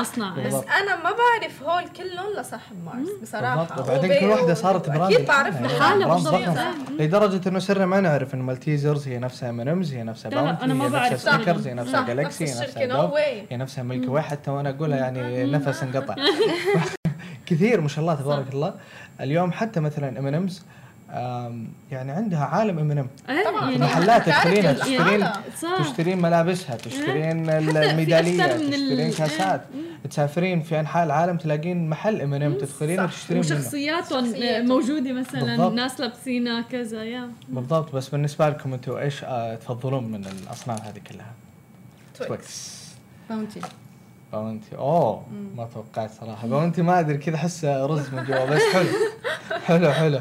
بس لا طيب. صدق لذيذ. الجوز وكذا إيه. نعم أنا بصراحة لكل mood آه إلي حلو. شيء.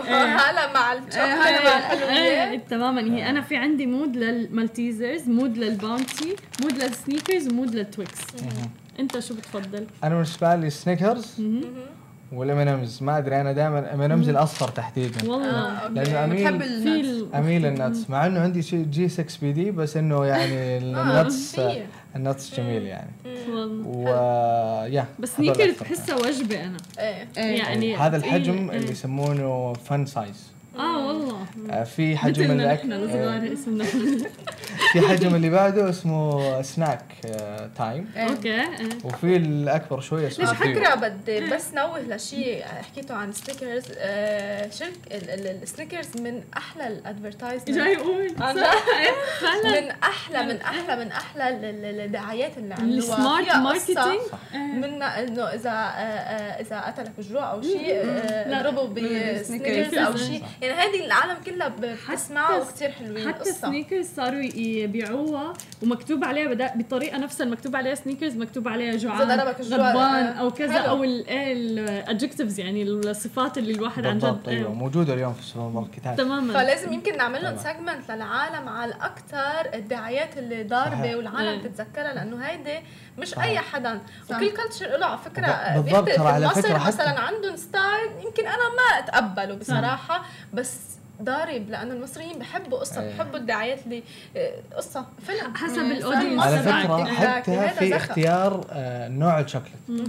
يعني إحنا نتكلم مثلا في المنافس. طبعا يعني واحدة من الشركات المعروفة أيضا KitKat. اليوم KitKat في اليابان. عندها كم عندها 70 نكهة. إيه العالم نكهة الشاي الأخضر الصويا صوص نكهات غريبة عجيبة. بس لما تتساءلين في الموضوع هذا تعرفين بأنه اليابانيين يحبوا يزهقون من الطعم نفسه. صح. فيبغى كل شوية نوع جديد. فعلشان كذا لو تدخلين يعني البقالة أو سوبر ماركت. في اليابان حتلاقين أنواع أشكال موجودة عندنا. صح الناس بتجيبها معهم من اليابان. بالضبط. في على موز وفي على الشاي الأخضر وفي كذا. الصناعة تتبدل وتتشكل حتى من من مدينة إلى أخرى لازم يعني لازم أنت تتكيف مع المنطقة الجغرافية تبعك مع الجمهور تبعك. طبيعي يعني لازم. وإلا النجاح ما راح يكون حليفك ابدا. صحيح. هلأ فقرة top trending أثار مقطع فيديو استغراب مستخدمي ال social media ظهر بهالمقطع خبر العثور على جرو صغير بالطريق هذا الجرو كان عنده ذيل على رأسه أطلقوا عليه لقب the unicorn puppy آه لما ما بعرف إذا متبين هلا صح آه شكله كثير cute كثير آه حلو. آه لما عثروا عليه هو عمره كان 10 أسابيع. وعثروا عليه بطريقة كان كثير كثير كثير يرثى لها. يعني كان كثير مرهق من شدة الجوع من شدة العطش. وتم إنقاذه من قبل مؤسسة خيرية بولاية أمريكا. طبعا لما عثر عليه أجروا عليه العديد من الفحوصات.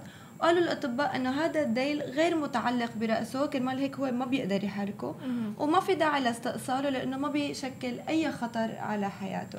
تخيلوا تحول هذا ال puppy أو الكلب من جرو منبوذ بسبب شكله كان بالطريق لكلب انهالت عليه آلاف الطلبات. صار مشهور. آلاف الطلبات من التبني. أول ما آه، وصل آه. صار كل العالم بدها تتبناه أول ما وصل على المركز اتصل شخص آه، بريتشل. ريتشل هي صاحبة المركز.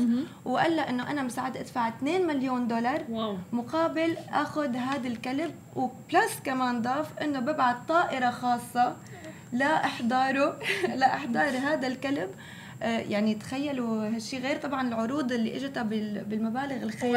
آه ريتشل رفضت هذا الشيء هلا نحن مثل ما بنعرف 7 2 مليون دولار بالنسبة لجمعية خيرية هو حلم لأنه أي جمعية خيرية طبعاً. بحاجة لأي دعم مادي طبعاً. هي فيها تحصل عليه ولكن ريتشل رفضت هي العروض مم. وقالت إنه كانت مثيرة للشكوك وإنه صح المصاري هي حتكون كثير مهمة لدعم مركزها ولكن سعادة الجرو آه، أهم من المصاري.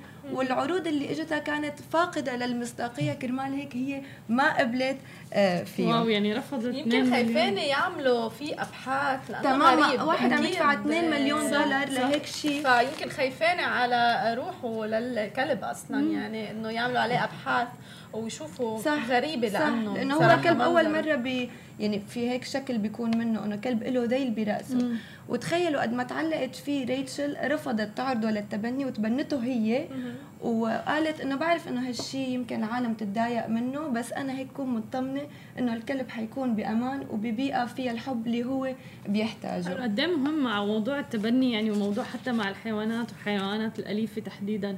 يعني موضوع جدا جدا جدي. آه الناس يمكن ما كثير عندها وعي فيه. في صح ناس بتشوف صح. مثلا كلب صح. آه صح.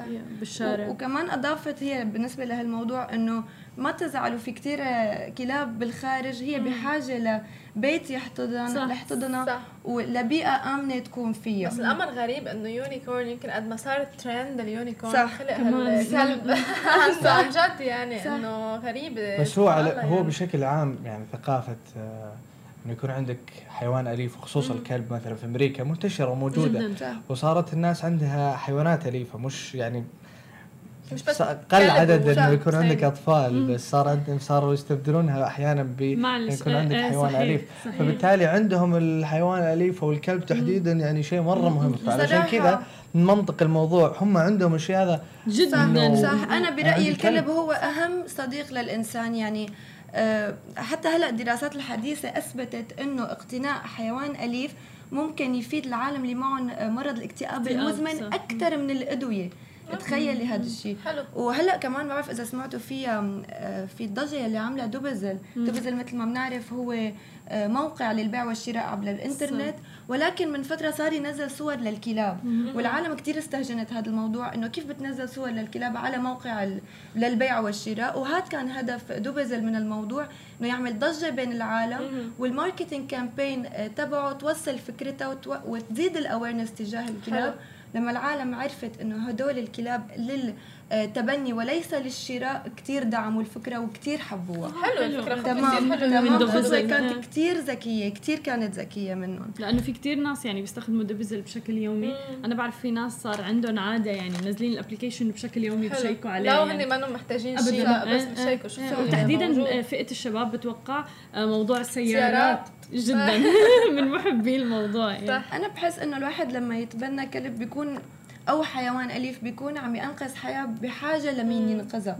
صح ولا لا؟ إيه في عالم طبعا بتهتم هلأ. أنا آه، قصة في كثير أشخاص بحبهم من بعيد لبعيد ما بحب إني حيوان يعني. آه أنت ما بتحبي. لا ما إيه، بحب في حيوانات. بس بحب وجودهم. آه، بعطف عليهم. مسؤولية كثير كبيرة على فكرة. طبعا آه، بعطف عليهم. إذا لقيتهم برا ممكن هذا تعملهم بس إنه يعني أنت الكلب بده اهتمام. بتكوني عم تعطي فرصة يعني مثل مثل البيبي إنه يرجع إنه يعيش عرفتي؟ يعني تخيلي لو مثلا انت أو ما حدا تبنى حيكون مصيره كثير بزعل. وأنا برأيي الشخص أنا كثير بحب الكلاب كثير دائما كان عندي كلب. إنه بحس الكلب بيزيد من سعادة الشخص. يعني بغض النظر عن فكرة التبني الشخص اجمالا وقت يعمل خير أو يكون معطاء هذا الشيء بيزيد من سعادته إيه طبعا بس كثير مهم إنه يكون الواحد قد المسؤولية يعني صح تبني طبعاً الكلب أو طبعاً. حتى يكون تحتوي أنت أي حيوان. أليف. آه أي حيوان عندك هو مسؤولية. صح. يعني ما فيك تجيبه أنت لعندك وانت مثلا برا البيت من 9 على 6 أو عندك حرام. دوام. هو بيحتاج صح. لا وتحديدا فئة الكلاب الأليفة أو الجرو. آه في كثير منهم أصلا عندهم separation anxiety بيتوتروا.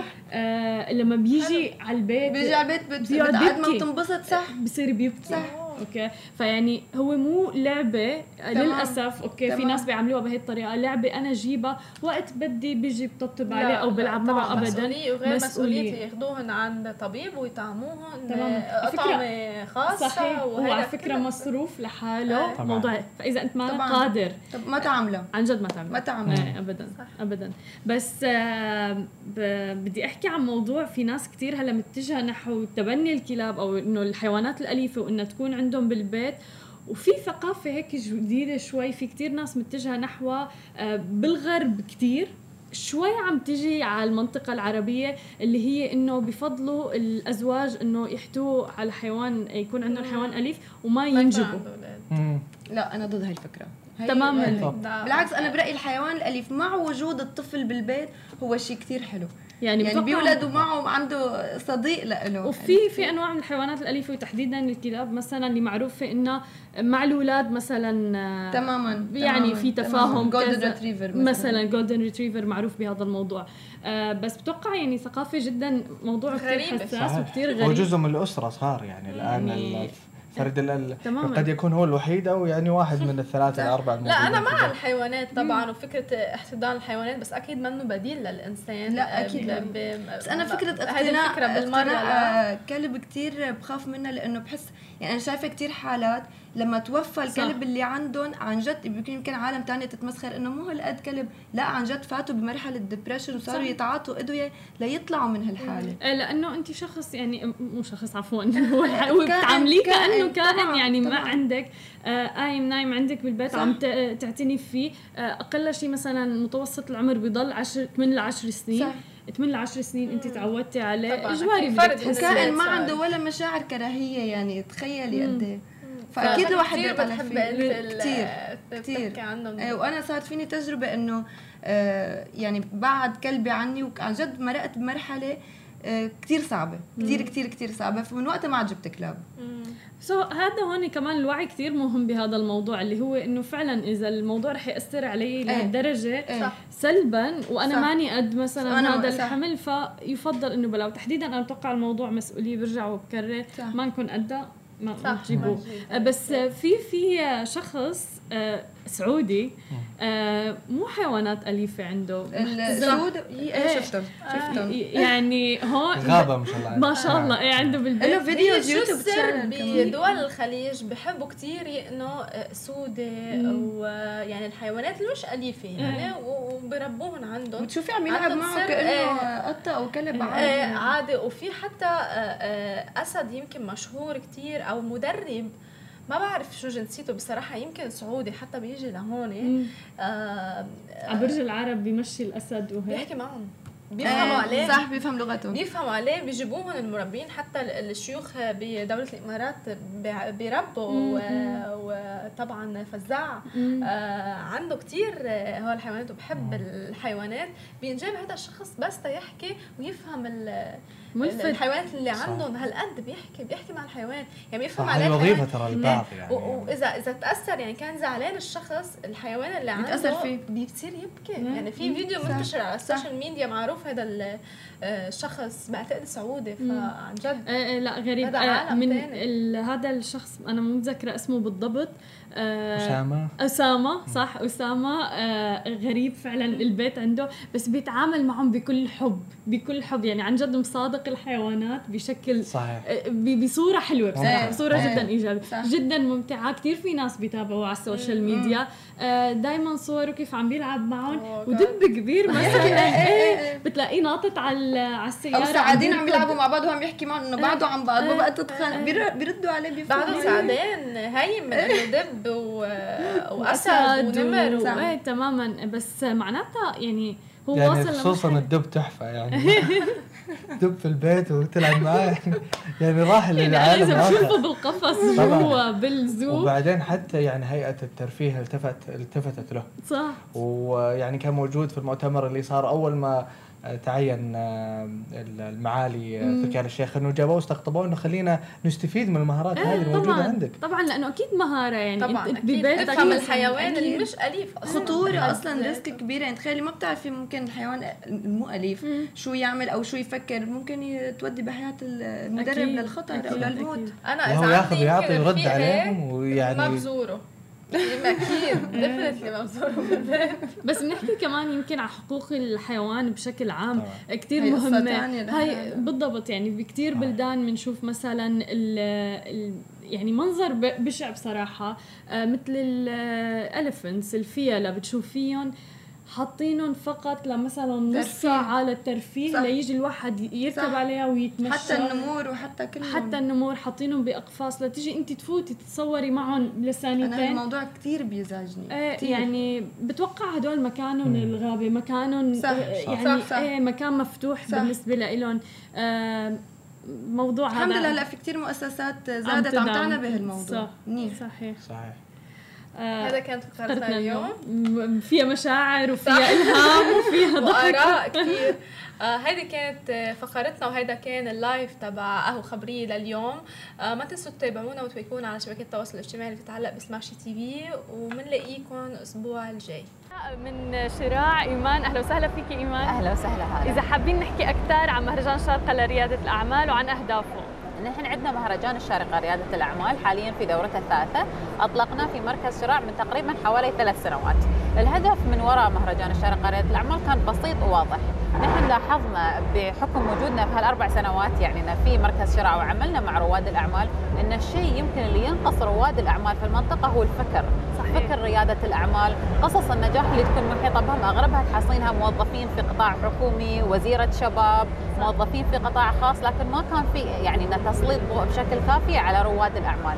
فنحن ارتئينا إن أفضل طريقة نحن ممكن فيها ننشر فكر وثقافة ريادة الأعمال. في المنطقة هي عن طريق فعالية ضخمة تجمع الجميع تحت سقفه يعني من فئة شباب من رواد أعمال من مستثمرين من قطاعين حكومي وخاص كل حد يكون موجود في مكان واحد يتناقشون ويثرون هذه البيئه اللي حلو يعني فعلا أنا شفت من مختلف حتى الجنسيات من مختلف الخلفيات وال backgrounds موجودين هون آه رواد أعمال مستثمرين آه في تفاعل كثير حلو حتى من الشكر الشركاء سواء الإعلاميين أو اللي عم بيدعموا هدول الشركات صحيح. الناشئة صحيح. طيب إذا بدنا نحكي حتى عن آه شو الأهداف لمركز الشارقة لريادة الأعمال بشكل عام. تمام هو مركز الشارقة لريادة الأعمال. أطلق عندنا الحين من أربع سنوات تقريبا في بداية عام 2016 آه، مركز الشارقة لريادة الأعمال هو مؤسسة حكومية تحظى برئاسة كريمة من الشيخة بدور بن سلطان القاسمي. وكان الهدف من وراء إنشاء مركز الشارقة لريادة الأعمال هو تنمية بيئة ريادة الأعمال بشكل كامل. من جميع النواحي اللي موجودة، لكن التركيز الوحيد اللي كان عندنا إياه هو تركيز مخصص على الشركات الناشئة في مجال التكنولوجيا بشكل خاص، سواء كانت software أو hardware. حلو، طيب أنتم كثير بتحتكوا مع رواد الأعمال والشركات الناشئة، شو برأيك الصفات اللي لازم تكون أو بتشوفوها موجودة برواد الأعمال الناجحين؟ هو حقيقه سؤال مهم خصوصا وفي وجودنا الحين في المهرجان لأن مهرجاننا هالسنة بالذات يركز على هالنقطة. حلو. نحن لاحظنا إن عن طريق احتكاكنا مع رواد الأعمال إن أغلبية المبادرات اللي موجودة تركز على مرحلة الفكرة وطالع. مرحلة الفكرة مرحلة تطوير المنتج مرحلة دعم وأطلاق الشركات الناشئة ودعم الشركات الناشئة القائمة. هالمراحل كلها لها نقطة بداية يغفل عنها الكثير. هالنقطه هي مرحلة الإلهام.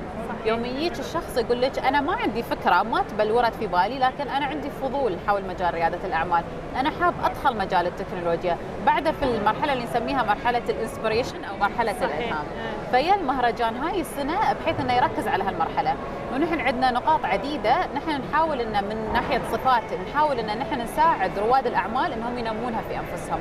منها مثلا نقطة الخوف من الفشل. نقطة الخوف من جداً. الفشل في منطقتنا العربية جداً. بشكل يعني بشكل خاص طبعاً. موجودة بشكل وايد كبير الرفض من المجتمع من الفشل صحيح. 100% 100% يعني أنا أقدر أذكر لك إن أنا عندي أشخاص من عائلتي صحيح. وأعرفهم وأطلقوا بزنسز وسألتهم يعني أنتم فتحتوا مثلا مشروع وتعرفون إن أنا أشتغل في شراع ليش ما قلتوا لي؟ قالوا لي إذا فشل يا إيمان. يا الله. لهالدرجه ومع إن نحن أهل ويعني نصحبه مع بعض. لكن الفكرة كانت عندهم إن نقطة الخوف من الفشل نقطة كبيرة جدا ومؤثره صحيح. فهي التغلب على هذا الخوف من الفشل يعني إنه يساعد رائد الأعمال إنه يكون عنده جرأة أكثر إنه يكون عنده شجاعة أكثر إنه يدخل في هذا المجال اللي فعليا يحتوي على جانب من المخاطرة في نهاية بالضبط المطاف. بالضبط. مخاطرة يعني. بس بتوقع كمان يعني الجائزة بتكون كثير كبيرة بعدين بنهايه الطريق. 100% صحيح. طيب شو التحديات اللي بيواجهوها رواد الأعمال تحديدا بمنطقتنا العربية؟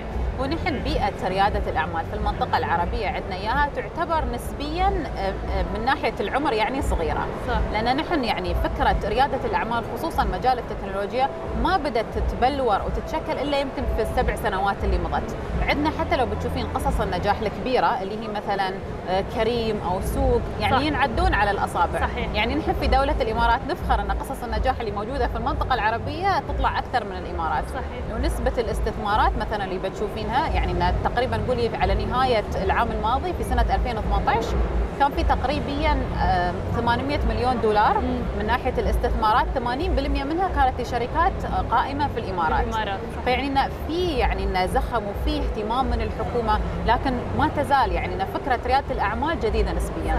ولأن مثل ما قلنا نحن في المنطقة العربية بشكل عام يعني إن استلعبنا المخاطرة مو بشيء موجود.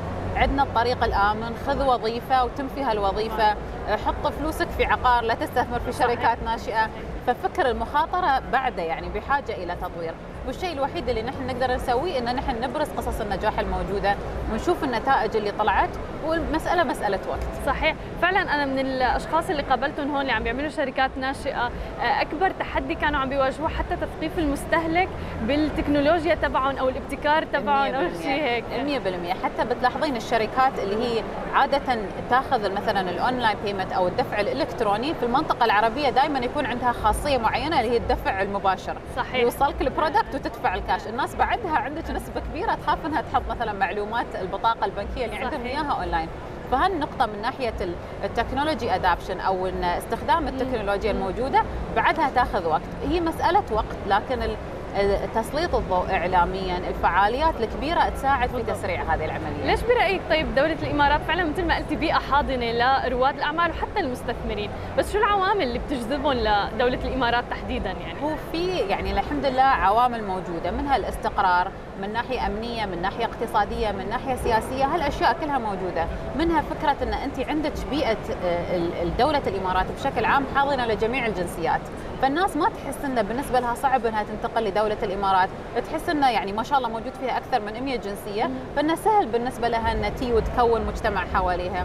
بالإضافة إلى ذلك إن الشخص مثلا يوم يفكر إنه يفتح شركة في دولة معينة ما يشوف بس الجانب الأعمال. يشوف في نفس الوقت إذا أنا عندي آه، مدارس حق عيالي طبعا. إذا أنا عندي مثلا بيئة مناسبة إن أنا ترفيهية إن أنا أقدر أطلع والتقي في ناس وفي عوامل ترفيهية تكون موجودة هالنقاط كلها مهمة.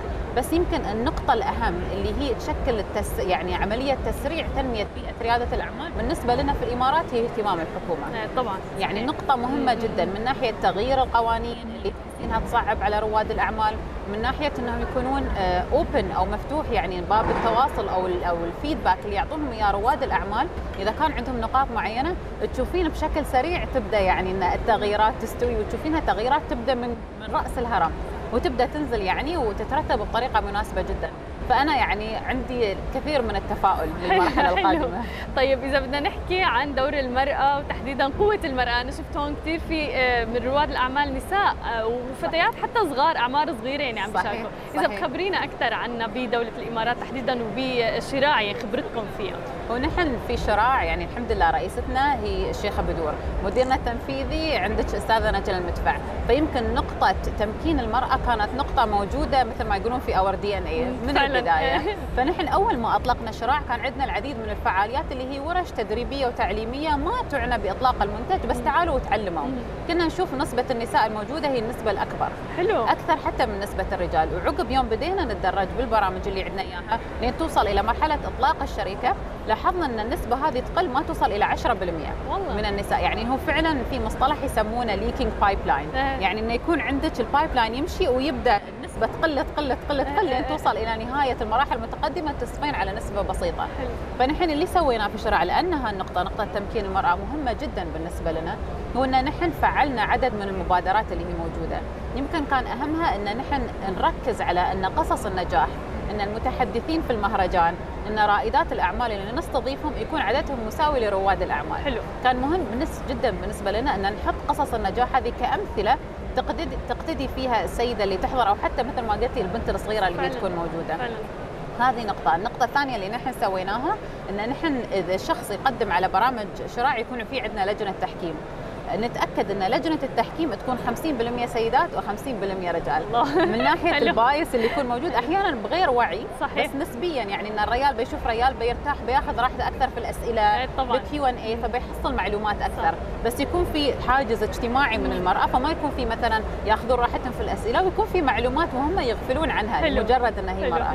فالنقطة كانت مهمة بالنسبة لنا. وصراحة يعني الحين نحن فخورين جدا إن نقول من الشركات اللي تخرجت من مركز شراع نسبة رائد الشركات المملوكة أو رائدات الأعمال اللي موجودين هي نسبة 53% يعني ما شاء الله هذا ملهم كثير بالنسبة لنا هذا الموضوع. تسلمين. طيب وفعلا حتى الحلو بالموضوع إنه أنا شفت طلاب عم يجوا لهون. فقد إيه حلو إنه هدول الطلاب عم يجوا يشوفوا المستقبل أمامهم إنه هن قادرين يكونوا مكان هدول الأشخاص والأفراد يوما ما ويكونوا رواد أعمال. 100% 100% نحن عندنا آه، في خصوصا في مهرجان الشارقة لريادة الأعمال اللي نحن موجودين فيه الحين فئة الشباب فئة مهمة جدا. حتى اللي سوينا أن جميع طلبة الجامعات والأعمار الأقل يدخلون المهرجان مجانا. بالضبط. ما حطينا عليهم أي حواجز بحيث أنهم يوصلون. بالإضافة لذلك كان عندنا آه، تعاون مع الهيئة الاتحادية للشباب بالإضافة إلى مجلس شباب الشارقة. عندهم منصة كاملة أجندة يومين. صحيح. من متحدثين من ورش عمل من خبراء يكونوا موجودين. وعطيناهم كل الحرية أنهم يحطون الأشياء اللي هم يعرفون أنها هي الأولوية. حلو. الشباب يعرفون مشاكل الشباب. صحيح. والشباب يعرفون شو اللي يحفز الشباب وشو يحتاجون الشباب. بالضبط. ففتحنا لهم هذا المجال وما شاء الله طاقات كبيرة يعني فعلا. فعلا. يعني لو بتشوفين الأجندة اللي سووها والبرامج والورش اللي هم محضرينها صحيح الطاقة كانت جدا إيجابية حتى الحمد طيب إذا بدنا نحكي بنصيحة هيك أخيرة لرواد الأعمال اللي حابين يبلشوا شغلهم ولكن فيها حاجز الخوف اللي حكيتي عنه يمكن النصيحة مثل ما قلتي يبلشوا هذا الشيء الوحيد اللي عليهم يسوونه. هي فكرة إنهم يت... يعني انه هو حاجز ذهني موجود صح. عند الناس. more than anything else لأن انت بكل بساطة إذا انت فتحتي الباب لعمرك بتشوفين المعلومات متوفرة الفرص متوفرة الدعم موجود سواء من مركز شراع أو من المبادرات الكثيرة اللي توفرها الدولة لدينا. الشيء الوحيد اللي عليهم يسوونه إنهم الخطوة الأولى ياخذونها. نحن عندنا عن طريق موقعنا الإلكتروني www.sheraa.ae الشيء الوحيد اللي يسوونه إنهم يدخلون ويحجزون اجتماع. الاجتماع مدته 20 دقيقة. يحضرون يقولون أنا عندي الفكرة الفلانية. هذا كل اللي عليهم يسوونه. لو الشخص نحن نقول يقوم من النوم عنده فكرة تعال. هذا الشيء الوحيد اللي أنت عندك إياه. بتوقع كمان هذا اللي بيميز شراع عن كل المبادرات الأخرى اللي بتدعم ريادة الأعمال صحيح؟ نحن اللي ركزنا عليه في شراع إن قبل ما نحن نطرح المبادرة إن ندرس رحلة رائد الأعمال. من بدايتها ما في نهاية هو يعني نسبيا صحيح. بس من البداية. من مرحلة الإلهام من مرحلة الفكرة تطوير المنتج إطلاق الشركة التوسع في الشركة. ودائما اللي نسويه انه يعني بعد نهاية كل برنامج أو كل فعالية ناخذ ردود الفعل من الأشخاص. شو الجوانب اللي فادتكم؟ شو الجوانب اللي حسيتوا تحتاجون تركيز أكثر؟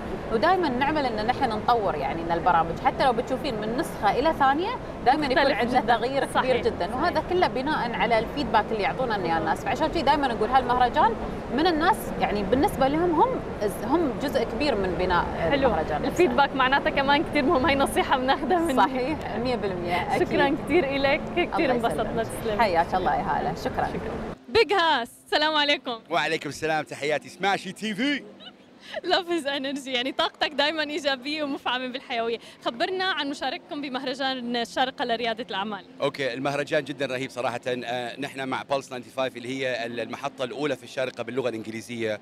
ونحن كمان مسؤولين عن الموسيقى اللي بنقدمها لل local artists آه صراحة شيء جدا جميل لأنه دوبنا كمان قابلنا Akon آه شيء حلو إنه هو كان موسيقي أكيد ولسه موسيقي ولكن شغله في أفريقيا وال project حقه والمشروع حقه في أفريقيا آه جدا ملهم صراحة. آه والشيء اللي حابب أقوله إنه نحن موجودين هنا والطاقة الإيجابية اللي بنتكلم عليها آه من من حماس ل entrepreneurship ل inspiration شيء جدا جميل صراحة بيصير بالشارقه طب شو شفت برواد الأعمال تحديدا فئه الشباب اللي موجودين هون؟ لأنه شفنا أفكار كثير حلوة. امم والله أنا آه، شفت كان في آه يعني ما شاء الله واحدة عمرها 16 سنة اخترعت زي bracelet اللي هو يعني ينبه إذا إذا كانت البنت في خطر إذا كانت في مكان ينبه يرسل رسالة لأهله. شيء حلو يعني. آه، وفي أشياء كثيرة. الحلو في الموضوع إنه كمان في pitch competition آه، والفائز ب ألف درهم. فأنا حكون كمان مقدم هناك ومتحمس جدا لهذا الموضوع لأنه it's all about hyping up مئة ألف درهم شيء مو قليل يعني فمتحمس وأكيد شاكر دائما وابدا لسماشي TV. دائما موجودين متغطوا الأشياء جدا آه شيء مش طبيعي. وأنت على فكرة she's amazing you guys. We're gonna get him on the studio guys. Stay tuned. رح يجي لعنا بيج هاس هذا وعد. وعد. وعد هذا على الكاميرا. على الكاميرا. حكون معكم في الاستوديو حنتكلم عن المواهب المحلية والموسيقى إن كانت hip hop أو أو روك أو بوب آه شيء جدا جميل. بس keep doing what you guys are doing. Love you guys. Smashy TV all the way. Let's go. أهلا فيك علا من Mindvalley حابين نعرف منك شو هو Mindvalley بالأول وعن مشاركتكم كمان بمهرجان الشارقة لريادة الأعمال. أكيد. أهلا بيكي Mindvalley هي أكبر مدرسة تعليمية في مجال التنمية الذاتية. مجمع Mindvalley بيحتوي على 12 مليون مشارك من جميع أنحاء العالم. ونحن بالتعاون مع أكبر وأفضل المدربين والمعلمين في مجال التنمية الذاتية كونا فئة كبيرة من مناهج تعليمية تساعدنا كلنا إنه نطور ذاتنا ونتقدم في الحياة أكثر وأكثر عشان نساعد نفسنا ونساعد الناس من حولنا. حلو.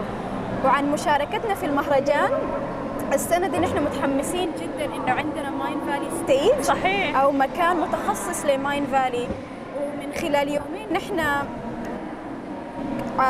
حضرنا برنامج متخصص ومتخصص في إنه يقدم تجربة ما يعرف بالانر كويست جيرني اللي هي رحلة داخلية مقدمينها من خلال ورش تعليمية بنقدم فيها تعاليم وبنقدم فيها تقنيات تساعد رواد الأعمال إنه يعملوا خطط استراتيجية تساعدهم دائما على النمو الذاتي المتواصل وفي نفس الوقت يحققوا أمنياتهم وأهدافهم في الحياة. قد مهم تحقيق الذات واكتشاف الذات؟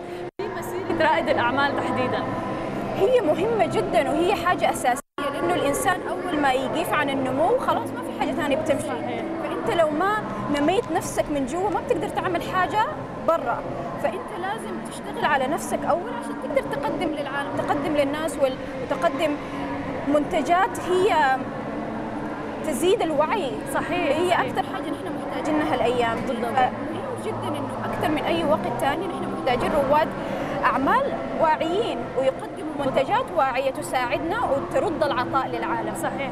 طيب إذا بدنا نحكي عن Mindvalley تحديدا أنا شفت كثير programs موجودة وأسماء كثير كبيرة موجودة ما شاء الله على Mindvalley يعني مثل ليزا مثل كثير كثير أسماء كثير صح. كبيرة. آه مين الفئة المستهدفة آه ل Mindvalley ومين أكثر فئة أصلا بتحب إنها آه تشترك بمثل هي ال programs نحن طبعا عندنا بروجرامات زي ما قلت كثيرة جدا ومتوسعة في كل في 12 category في الحياة. okay. شفتي؟ أيوه بن بنركز على ال business وبنركز على آه ال career لكن في نفس الوقت بندي نفس الاهتمام في حاجات مهمة جدا في الحياة. زي مثلا كيف تكون مثلا آه أب ناجح وتساعد أولادك على إنه يفهموا الحياة أكثر. كيف ممكن تكون سعيد في عملك؟ صحيح. كيف ممكن تكون عندك ثقة أكثر ففي حاجات كثيرة نحن محتاجينها أكثر من إنه بس نركز في البزنس مثلا. فكل أي حاجة أنت محتاجها طبعا بتكون بترجع لك أنت ورحلتك في الحياة. فنحن كل هذه البروجرامات لأي إنسان في العالم. يعني ما عندنا عشان كذا عندنا 12 مليون متابع صحيح من كل الفئات العمرية والمختلف الثقافات. حلو. طيب شو الشغلات اللي عم تشاركوا فيها هلا ب Mindvalley stage المنصة تبعكم؟ مثل شو المواضيع اللي عم تنطرح مثلا هنيك تحديدا بمهرجان شارقه لرياده الأعمال؟ إحنا أهم حاجة عايزين نوصلها لرواد الأعمال إنه أنت لازم عملك أو ال business أو التجاره اللي أنت بتعملها ما لازم زي business في, في ال side أهم حاجة إنه ال business ده هو بيساعدك على النمو المتواصل. صحيح. هو ال vehicle اللي هي بتساعدك على النمو. لكن لو أنت أصلا ال vehicle اللي أنت بتعيش معظم حياتك فيه هو عملنا نحن بنقضي حياتنا صحيح. فيها فلو هو واقف في طريق إنك أنت تنمو معناه أنت ما في الطريق الصح. فنحن جايبينه هنا إنه نفهم الفكرة دي إنه شغلك لازم يكون مرتبط ارتباط مباشر مع نموك الذاتي. صحيح صحيح. آه اكتشاف الذات يعني رحلة الواحد طبعا. فعلا طويلة طول العمر. ولكل إنسان مختلفة وأنت لازم تبحث عن رحلتك لحالك تشوف الحاجات اللي صحيح. بتنفع معك ما بتنفع معك. هي رحلة بتستمر طوال العمر. ونحن. بالنسبة لنا التعليم بيتواصل مدى العمر. ما مع الجامعة خلاص انتهينا من التعليم. لا يا دوب التعليم بدا بالضبط. أنا أيوة. دائما هذا الشيء بحكيه صحيح صح. صحيح. إحنا عندنا إنه Mindvalley ليش بنقول إنها education أو آه، منصة تعليمية؟ لأنه نحن ما ما بنؤمن إنه توقف تعليمك لما تنتهي. صحيح. انت مستمر لما 70 و80 وإن شاء الله 100 سنة. صحيح. وانت حكيتي نقطة كثير مهمة اللي هي إنه مثلا عندكم بروجرامات مو بس لها علاقة بال business مثل أنت كيف تكون كأب ناجح و إلى آخره. آه لأنه بتوقع حتى الواحد إذا ما كان أب ناجح سعيد بحياته الشخصية ما راح ينتج بحياته العملية. exactly بالضبط بالضبط. هي الفكرة هنا لأنه أصلا أنت بتنتج لما تكون سعيد وصحيح. مقتنع نفسيا وكل حاجة حوالينك إنه أنت راضي عنها. تماما. لكن لو أنت أصلا مهزوز داخليا مستحيل إنك ح... تستمر وحتنمو في الحياة بطريقة صحيحة. فلازم أنت تبدأ من نفسك داخليا صحيح. وبعدين تشوف الحاجات اللي برا اللي أنت بتحلم بها وأمنياتك. كمان Mindvalley موجود على كثير منصات يعني في website في عندكم بودكاست بالزبط. في كثير أمور. عندنا نحن طبعا أكبر حاجة في Mindvalley عندنا التكنولوجيا عندنا أفضل تكنولوجيا في العالم لما تجي في آه، المسألة التعليم. فيعني الأكاديميات اونلاين فعندنا أفضل واحدث التكنولوجيا. فعندنا التطبيقات في الهواتف النقالة.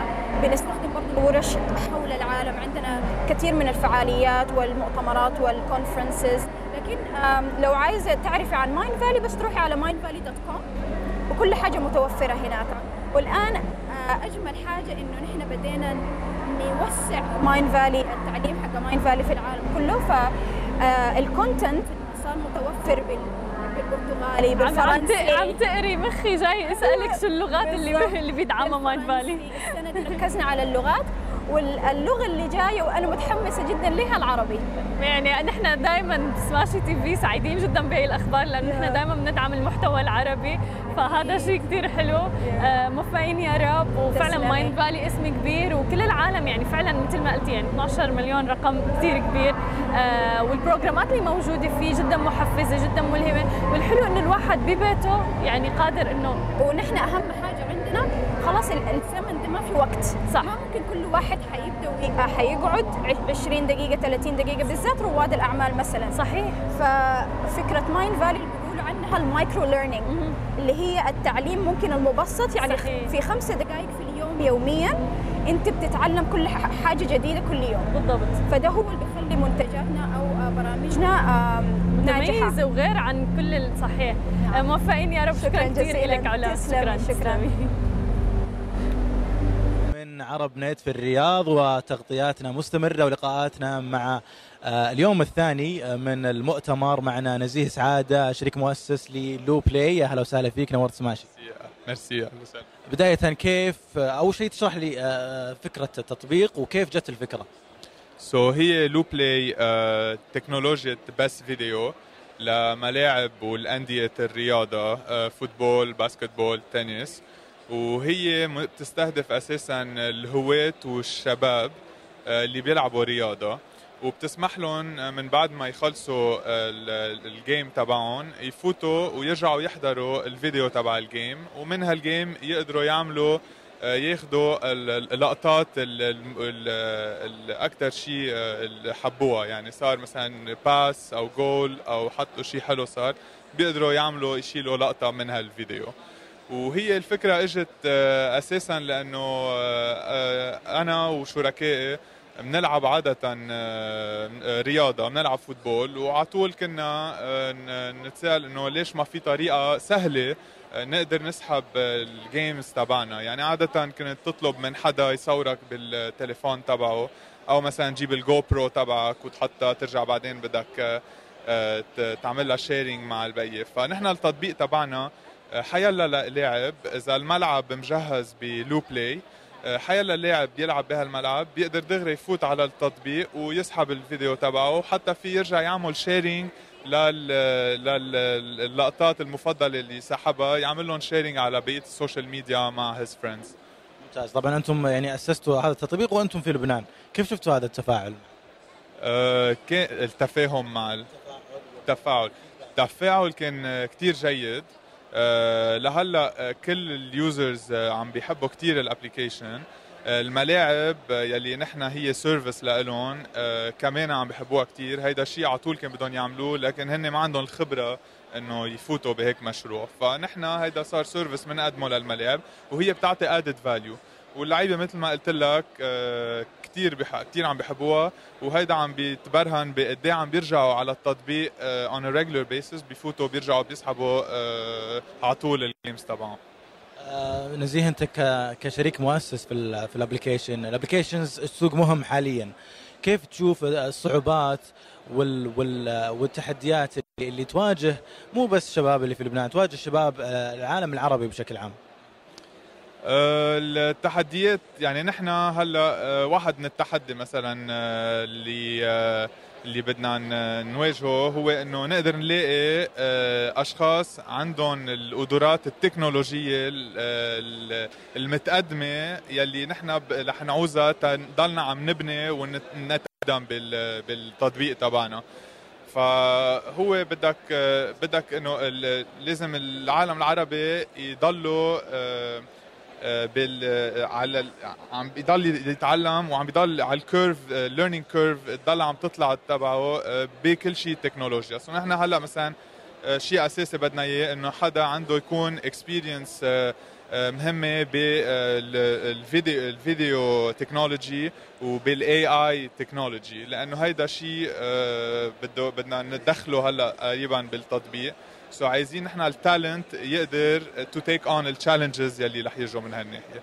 so هيدا هيدا بعتقد بالعالم العربي لازم الشباب يضلوا عم بي آه، آه، يتقدم ب speed تبع التكنولوجيا اللي عم تتقدم. هذه أول مشاركة لكم في عرب نت نحن إيه، أول مرة بعرب نت وأول مرة برياض آه، تمام ممتازة. آه، لهلأ كل العالم بنحكي معهم آه، كثير response قويه لل و positive لل application عم نجرب قد ما فينا نت نعرف ال market هون آه، شو آه، شو بدهم exactly وكيف من نحن أسهل طريقة نقدر نقدم هال service لل market هون ومين بيكون أحسن شركاء لنا نقدر نفوت معه بال market هون.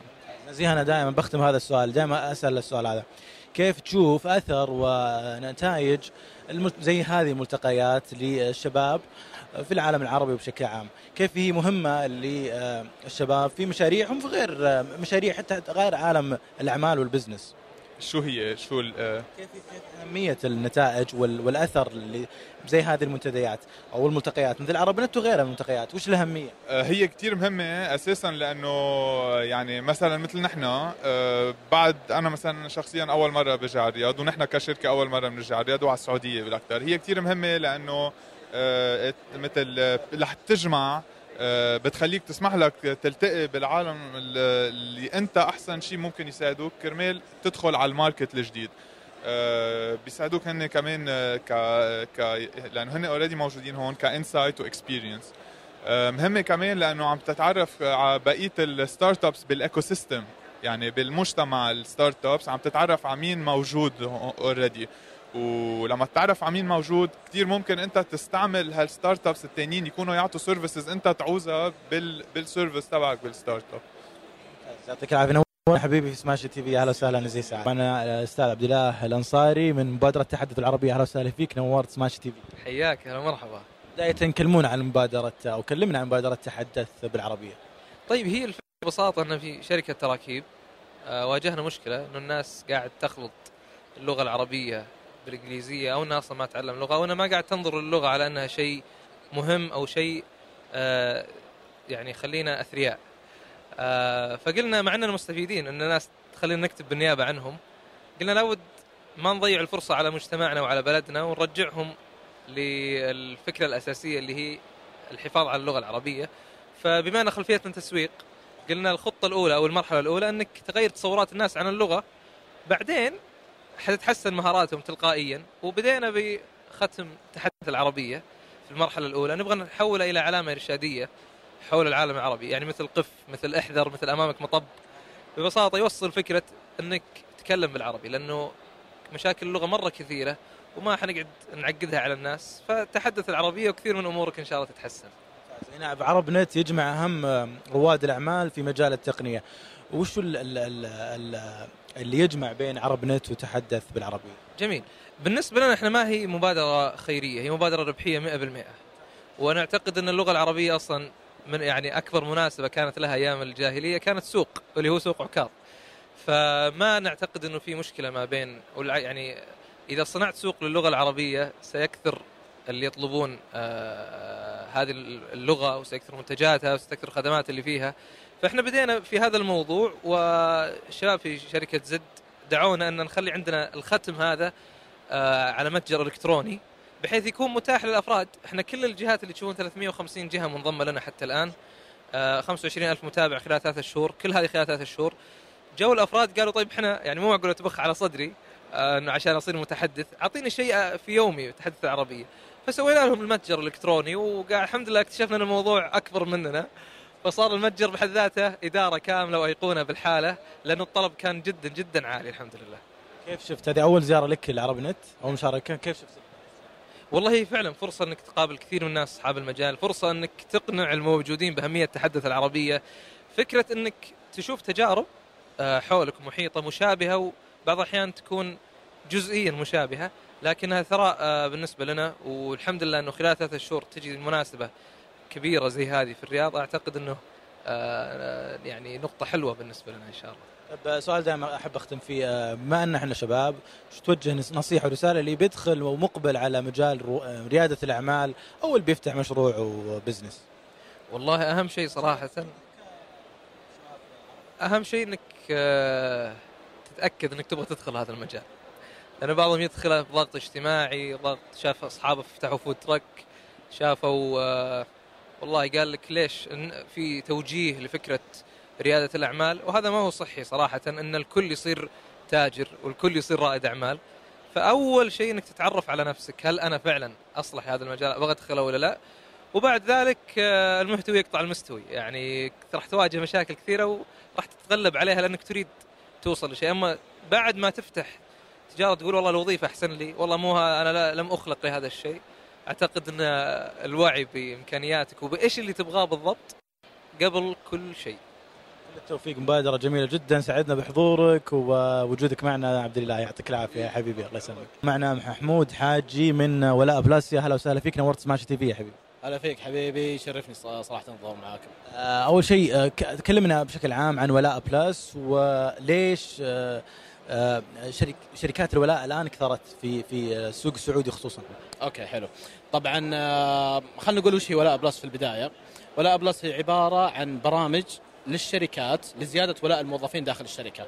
طبعا إحنا في عندنا أكثر من برنامج نقدمه. حلو. نروح للشركة نعطيهم برامج هذه حتساعد الموظفين على أساس يعطوك آه، آه، إنتاجية أكبر تحسين بيئة العمل داخل الشركة يزيدون من الأداء فيها. آه، في عندنا برنامجين آه، موجودين حاليا. البرنامج الأول برنامج اللي هو العروض والخصومات.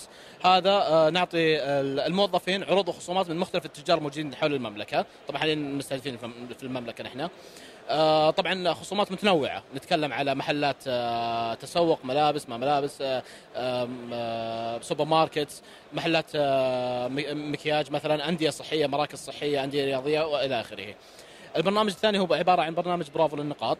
النقاط هذا أنت عندك طريقة كمنشأة آه، تهدي الموظف بناء على إنجازاته. والله في موظف آه، أنجز عمل كويس داخل الشركة قفل تاسك محددة. ساعد زميله بطريقه بطريقة أو بأخرى.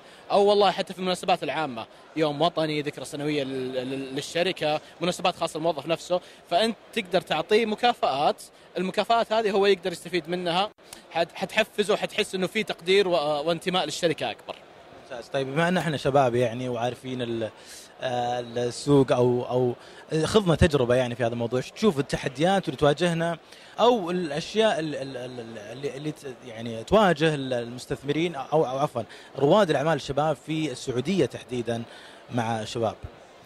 أه حلو. شوف أنا أقول لك آه، أكون صريح معاك يمكن آه، أكثر مشكلة ال startup يواجهوها أه من وجهة نظري أشوف التوظيف. آه إنه كيف تلاقي الموهبة أو ال candidate الكويس يقدر يمشي معاك. أول حاجة أنت ما عندك budget أساسية ك startup okay؟ فما تقدر تعطي مثلا خلينا نقول آه، آه، مزايا للموظف نفسه تحسسه بالأمان تحسسه إنه بال إنه في في في في في انكم جاي, جاي عنده كبير جدا. آه، بنفس الوقت أنت تحتاج في البداية أنت وأنت طالع تحتاج ناس يشتغلوا معك يعطوك.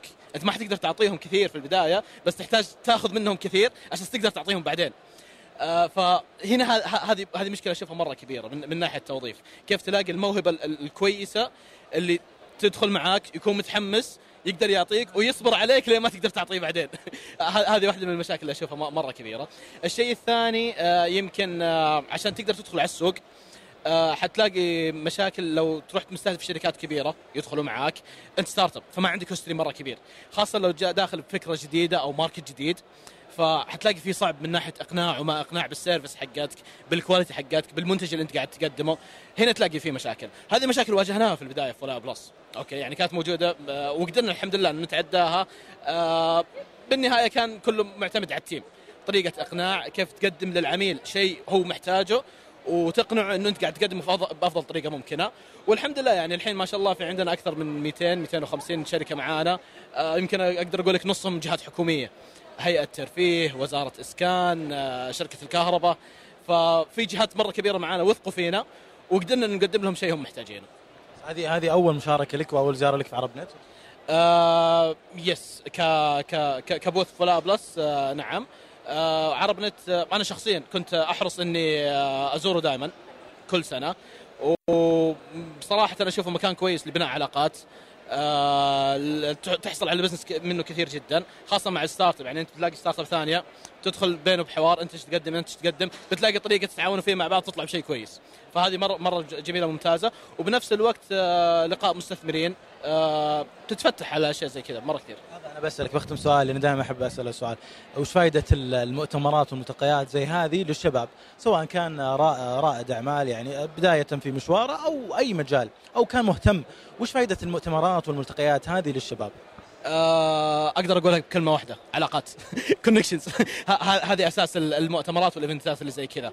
أنت once إنه get exposed على الشيء هذا تبدأ تكون علاقات بتحل مشاكل مرة كثير موجودة عندك. أشياء يمكن ما تتصورها بتلاقي واحد تتعرف عليه تبني معاه علاقة خلاص. آه، يمكن ما تحتاجه حاليا بس بعدين في وقت ما إما هو حيحتاج كل اللي أنت حتحتاجه فجأة يمكن يمكن تطلع شركة. يعني من مجرد مقابلة تقدر تطلع بشركة ثانية من المقابلة هذه. فأشوفها مرة كويسة العلاقات لجميع الأفراد سواء كان شركات entrepreneur رواد أعمال مستثمرين أو حتى أفراد عاديين بتشوف أفكار بتتعلم أشياء جديدة بتشوف طرق الناس قاعدين يشتغلوا فيها. ما ما كانت موجودة عندك. فمرة ممتازة صراحة. شكرا لك نورتنا يا حبيبي محمود يعطيك العافية. نورت سماشي تي في. أهلا وسهلا فيك. ومعنا الأستاذة نادين شماس. أهلا وسهلا فيك نورتي سماشي تي في. أهلا وسهلا فيك خالد وشكرا لإستضافتي.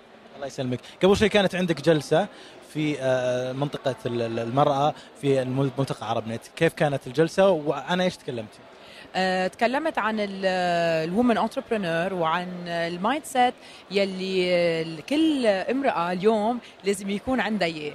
يعني العالم عم بيتغير عم عم بيتقدم بطريقة كثير إيجابية وكثير سريعة. وكل النسوان اليوم عندهم كثير أفكار وعندهم كثير طموحات. وشو التولز يعني شو الأدوات يلي هن بحاجة لهم اليوم تا يضلهم مندفعين وبنفس الوقت يكونوا متوازنين. لأنه آه، كمان الاندفاع اللي كثير كبير بده كمان دعم كبير.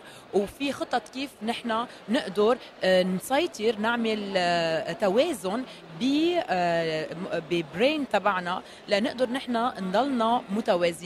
بدنا نكون في كثير إشياء حلوة بالحياة بدنا بدنا نعيش نعيشها كلها بطريقة متوازنة. ما بدنا شيء ياخذ عن شيء ثاني وبشغلي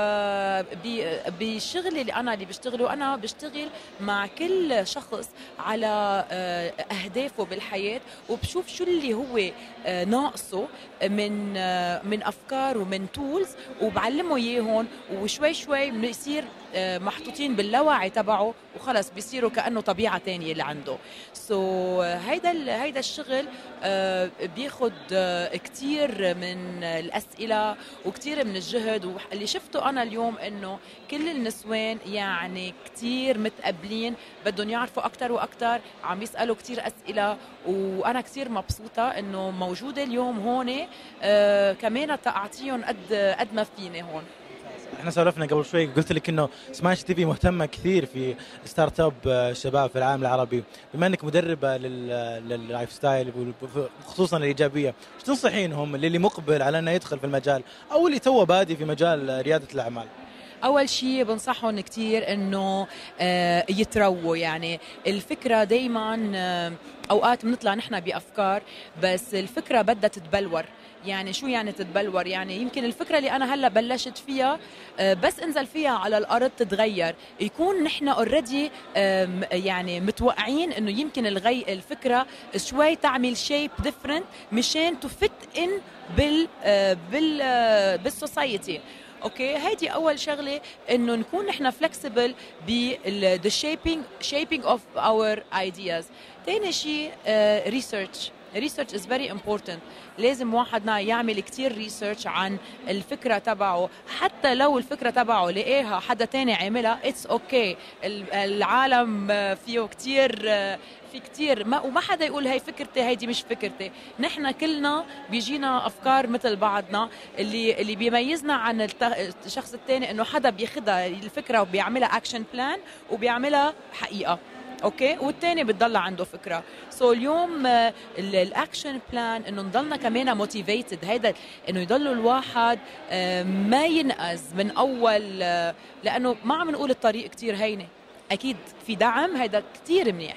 يعني هيدا one of the things اللي ال startup بيعانوا منه إنه ما في دعم. اليوم عندك الدعم عندك الفكرة عندك كل شيء بدك ال mindset okay؟ so so بدنا نشتغل على هال mindset اللي بخليك تضلك مكمل وعارف لوين رح توصل. وفي كتير منهم بيقولوا انه بيفكروا إنه من أول مرة رح تنقش معي. لا. لا. يعني آه توقعوا إنه يكون في شوية عراقيل بالدرب. آه وما ناخذ القصص شخصيه أنا مني عم بعمل منيح. لا. في قصص بتكون أوقات بسموها آه إنه قبل وقتها. يعني في في ناس بيطلعوا بأفكار بيكون بعد الناس منهم قادرين يستوعبون. يعني وما عم بيقدروا يستوعبوا هيدا الموضوع. بدنا نعطي وقت بدنا نعطي وقت وين مثل ما قلت نعمل shaping لفكرتنا. ونكون smart يعني smart مش بذك يعني ذكاء smart يعني specific يعني محددين شو بدنا. نعرف إنه في له حد فترة معينة رح بنفذ أنا هيدا الفكرة تبعي. آه، اسأل أكثر أعمل research هدول هن وبنفس الوقت ضلني مبسوط. وما فكر إنه أنا إذا نجحت إذا نجحت فكرتي أنا ناجح. أنت ناجح already أنت already ناجح. so خلينا نعتنق كمان هيدي ال mindset إنه أنا ناجح بكل خطوة من خطواتي والنجاح منه destination أنا ماني عم بركض للنجاح. أنا النجاح عندي إياه وأنا اليوم عم ثبت خطوة وقدام خطوة قدام خطوة. وهيدا الشيء اللي بده يضله خليني مندفعه لقدام وبيخليني to celebrate لأنه أنا في كثير من الناس اللي بشتغل معهم بيكونوا حققوا اللي بدهم إياه. طب ليه ما منك مبسوط؟ يعني ليه منك مبسوط؟ ما اقتنعت ليش؟ لأنه كنا حاطين سعادتنا مرتبطة بال end result لا بدها تبلش من أول لحظة. من أول دقيقة هيدا ال mindset انه أنا آه، آه، أنا منيح أنا ذكي أنا successful آه، بدهم يكونوا من أول خطوة. و along the way we celebrate we celebrate we celebrate. يعني ودائما دائما واحد يقول هلا شو فيني أعمل بعد؟ أوكي؟ يعني كل ما بنحصل على شغلة نقول thank you نكون grateful كثير نشكر كل حدا ساهم بهالمسيرة تبعنا. ونقعد ونقول طيب هلأ شو؟ أوكي؟ طيب اليوم اليوم أنا قبل شوي قاعد أسولف معك برضو إنه أول زيارة لك في الرياض. آه، كيف شفتي آه، الرياض؟ وكيف شفتي عرب نت الملتقى اللي دائما يصير سنويا ليخت... ليحتضن أهم رواد الأعمال في مجال التقنية؟ والله يعني أنا أول مرة بجي على السعودية وعلى الرياض وأول مرة كمان بأرب نت. حسيت إنه في كتير أشياء أه أعطوني motivation إنه قديش أنا okay صار لي زمان بهال domain صار لي زمان بشتغل إن كان لساعد بال entrepreneur أو ال therapy أو الجنرال أعطوني motivation إني روح وارجع كمل. يعني آه عن جد إنه حسيت إنه العالم لا ما فيك توقف محل ما أنت بتعرف. في كتير أشياء وبعد في كتير أسئلة كان بدي بدي جاوب عليهم بعد أحسن من هيك. وفي بعد يعني يعني خلق لي challenge هال هالسفرة خلقت لي challenge كثير كبير وأنا بدي أشكرها لأنه كل ما نحس حالنا أوقات إنه خلص صرنا مكتفيين بالمعلومات اللي بنعرفها أو بالشيء اللي نعمله لا اجى شيء فسر لي إنه لازم بعد في في قصص أكثر بعد بدي بدي ثبتها بمعلوماتي وأشياء أتعلمها بعد جديد. حلو حلو وبس تنخلط مع ناس بتشوفهم هالقد محمسين. بذكروني إنه من بانا حماسي أول ما بلشت آه، بالكارير تبعي ورجعت آه، عن جد رجعت آه، حسيت هذا الشعور مرة جديدة. وكتير حلو الواحد يضل يحس إنه عنده بعد باور عنده عنده يعني قدرة إنه يعمل بعد أكثر ما حدا يوقف محل ما هو وقف يعني كل شيء عملته بقول لا في شيء بعد بدي أعمله. لا اليوم اعطوني اعطوني قوة إنه في كتير أشياء بعد ما قلتها هلأ صار بدي أقولها. يعني really thank you so much جميل جميل جدا. سعيدين بوجودك معنا أستاذة نادين شماس. وأكيد إحنا طمعانين أكثر إنك تكوني موجودة مع زملائنا في استوديو في استوديو سماشي دبي آه، في دو آه، في دبي. شكرا لك وشكرا لوقتك. يو بدر أنت عندك شركة إنتاج محتوى آه، لهيب. كلمنا عنها أكثر شوي. أول شيء هي شركة marketing يعني marketing agency content creation هذا جزء منها. okay. content creation ال campaigns ال videos ال production بشكل عام. أنا أتوقع أن السوق السعودي مرة يحتاج على كثر الشركات اللي هي موجودة لكن نحتاج أكثر لأن كل شركة ماسكة نوع معين من ال clients يعني في agencies خاصة بالحكومة في agencies كذا مجانين creative زينا okay. في agencies خاصة بمطاعم. okay. فالسوق مرة يحتاج. الحمد لله في شباب وبنات سعوديين وسعوديات مرة مبدعين مرة مجانين وهذا السوق اللي هو يحتاجه. يعني أنا بالنسبة لي كبدر وهذا شيء انعكس على لهيب تعطيني شيء رسمي ما أعرف أشتغل لك. يعني تقول لي آه، عندما نصنع الأكل ما, ما عندي عندما نصنع الأكل. عندنا قد جربت شيء زي كذا ولا لا؟ يعني إيه هذا الشيء ما راح تجربه في حياتك. يعني أشياء شوي فنك آه، بشكل آه، بشكل أكبر. طيب كلمني عن البداية وش واجهت؟ أكيد طبعا كان في صعوبات. كيف واجهتها وكيف تغلبت عليها؟ شوف ترى المشاكل كثير واللي ما يعني يصدم جدران عمره ما راح ينجح. أنا ما أقول لك وش المشاكل اللي واجهتها في البداية وش المشاكل اللي جالس أواجهها كل يوم. كل يوم تعرض المشاكل مشاكل على يعني في كل شيء أتكلم. وأتوقع ال business اللي ما فيه مشاكل ما مو ما هو business ناجح. حلو؟ أنت لما الشغل يكثر شيء طبيعي ما راح تقدر تركز على كل الاشياء الموجوده عندك.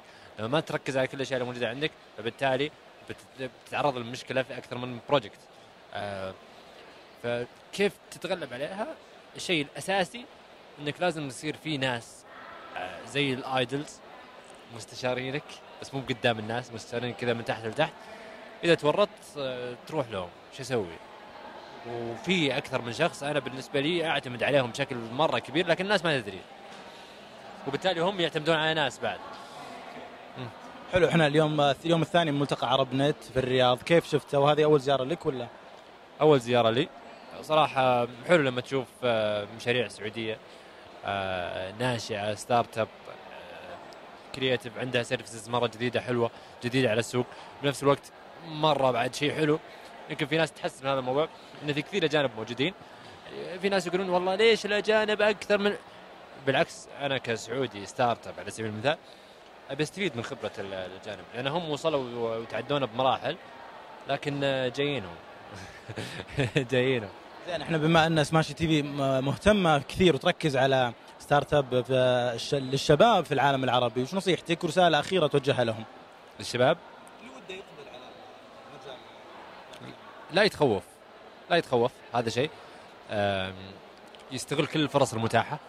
شوف اللي كانوا آبائنا وأجدادنا دائما يقولون لنا اللي ما شرى أرض قبل 60 سنة راحت عليه. ترى كانت كان المتر ب 3 ريال.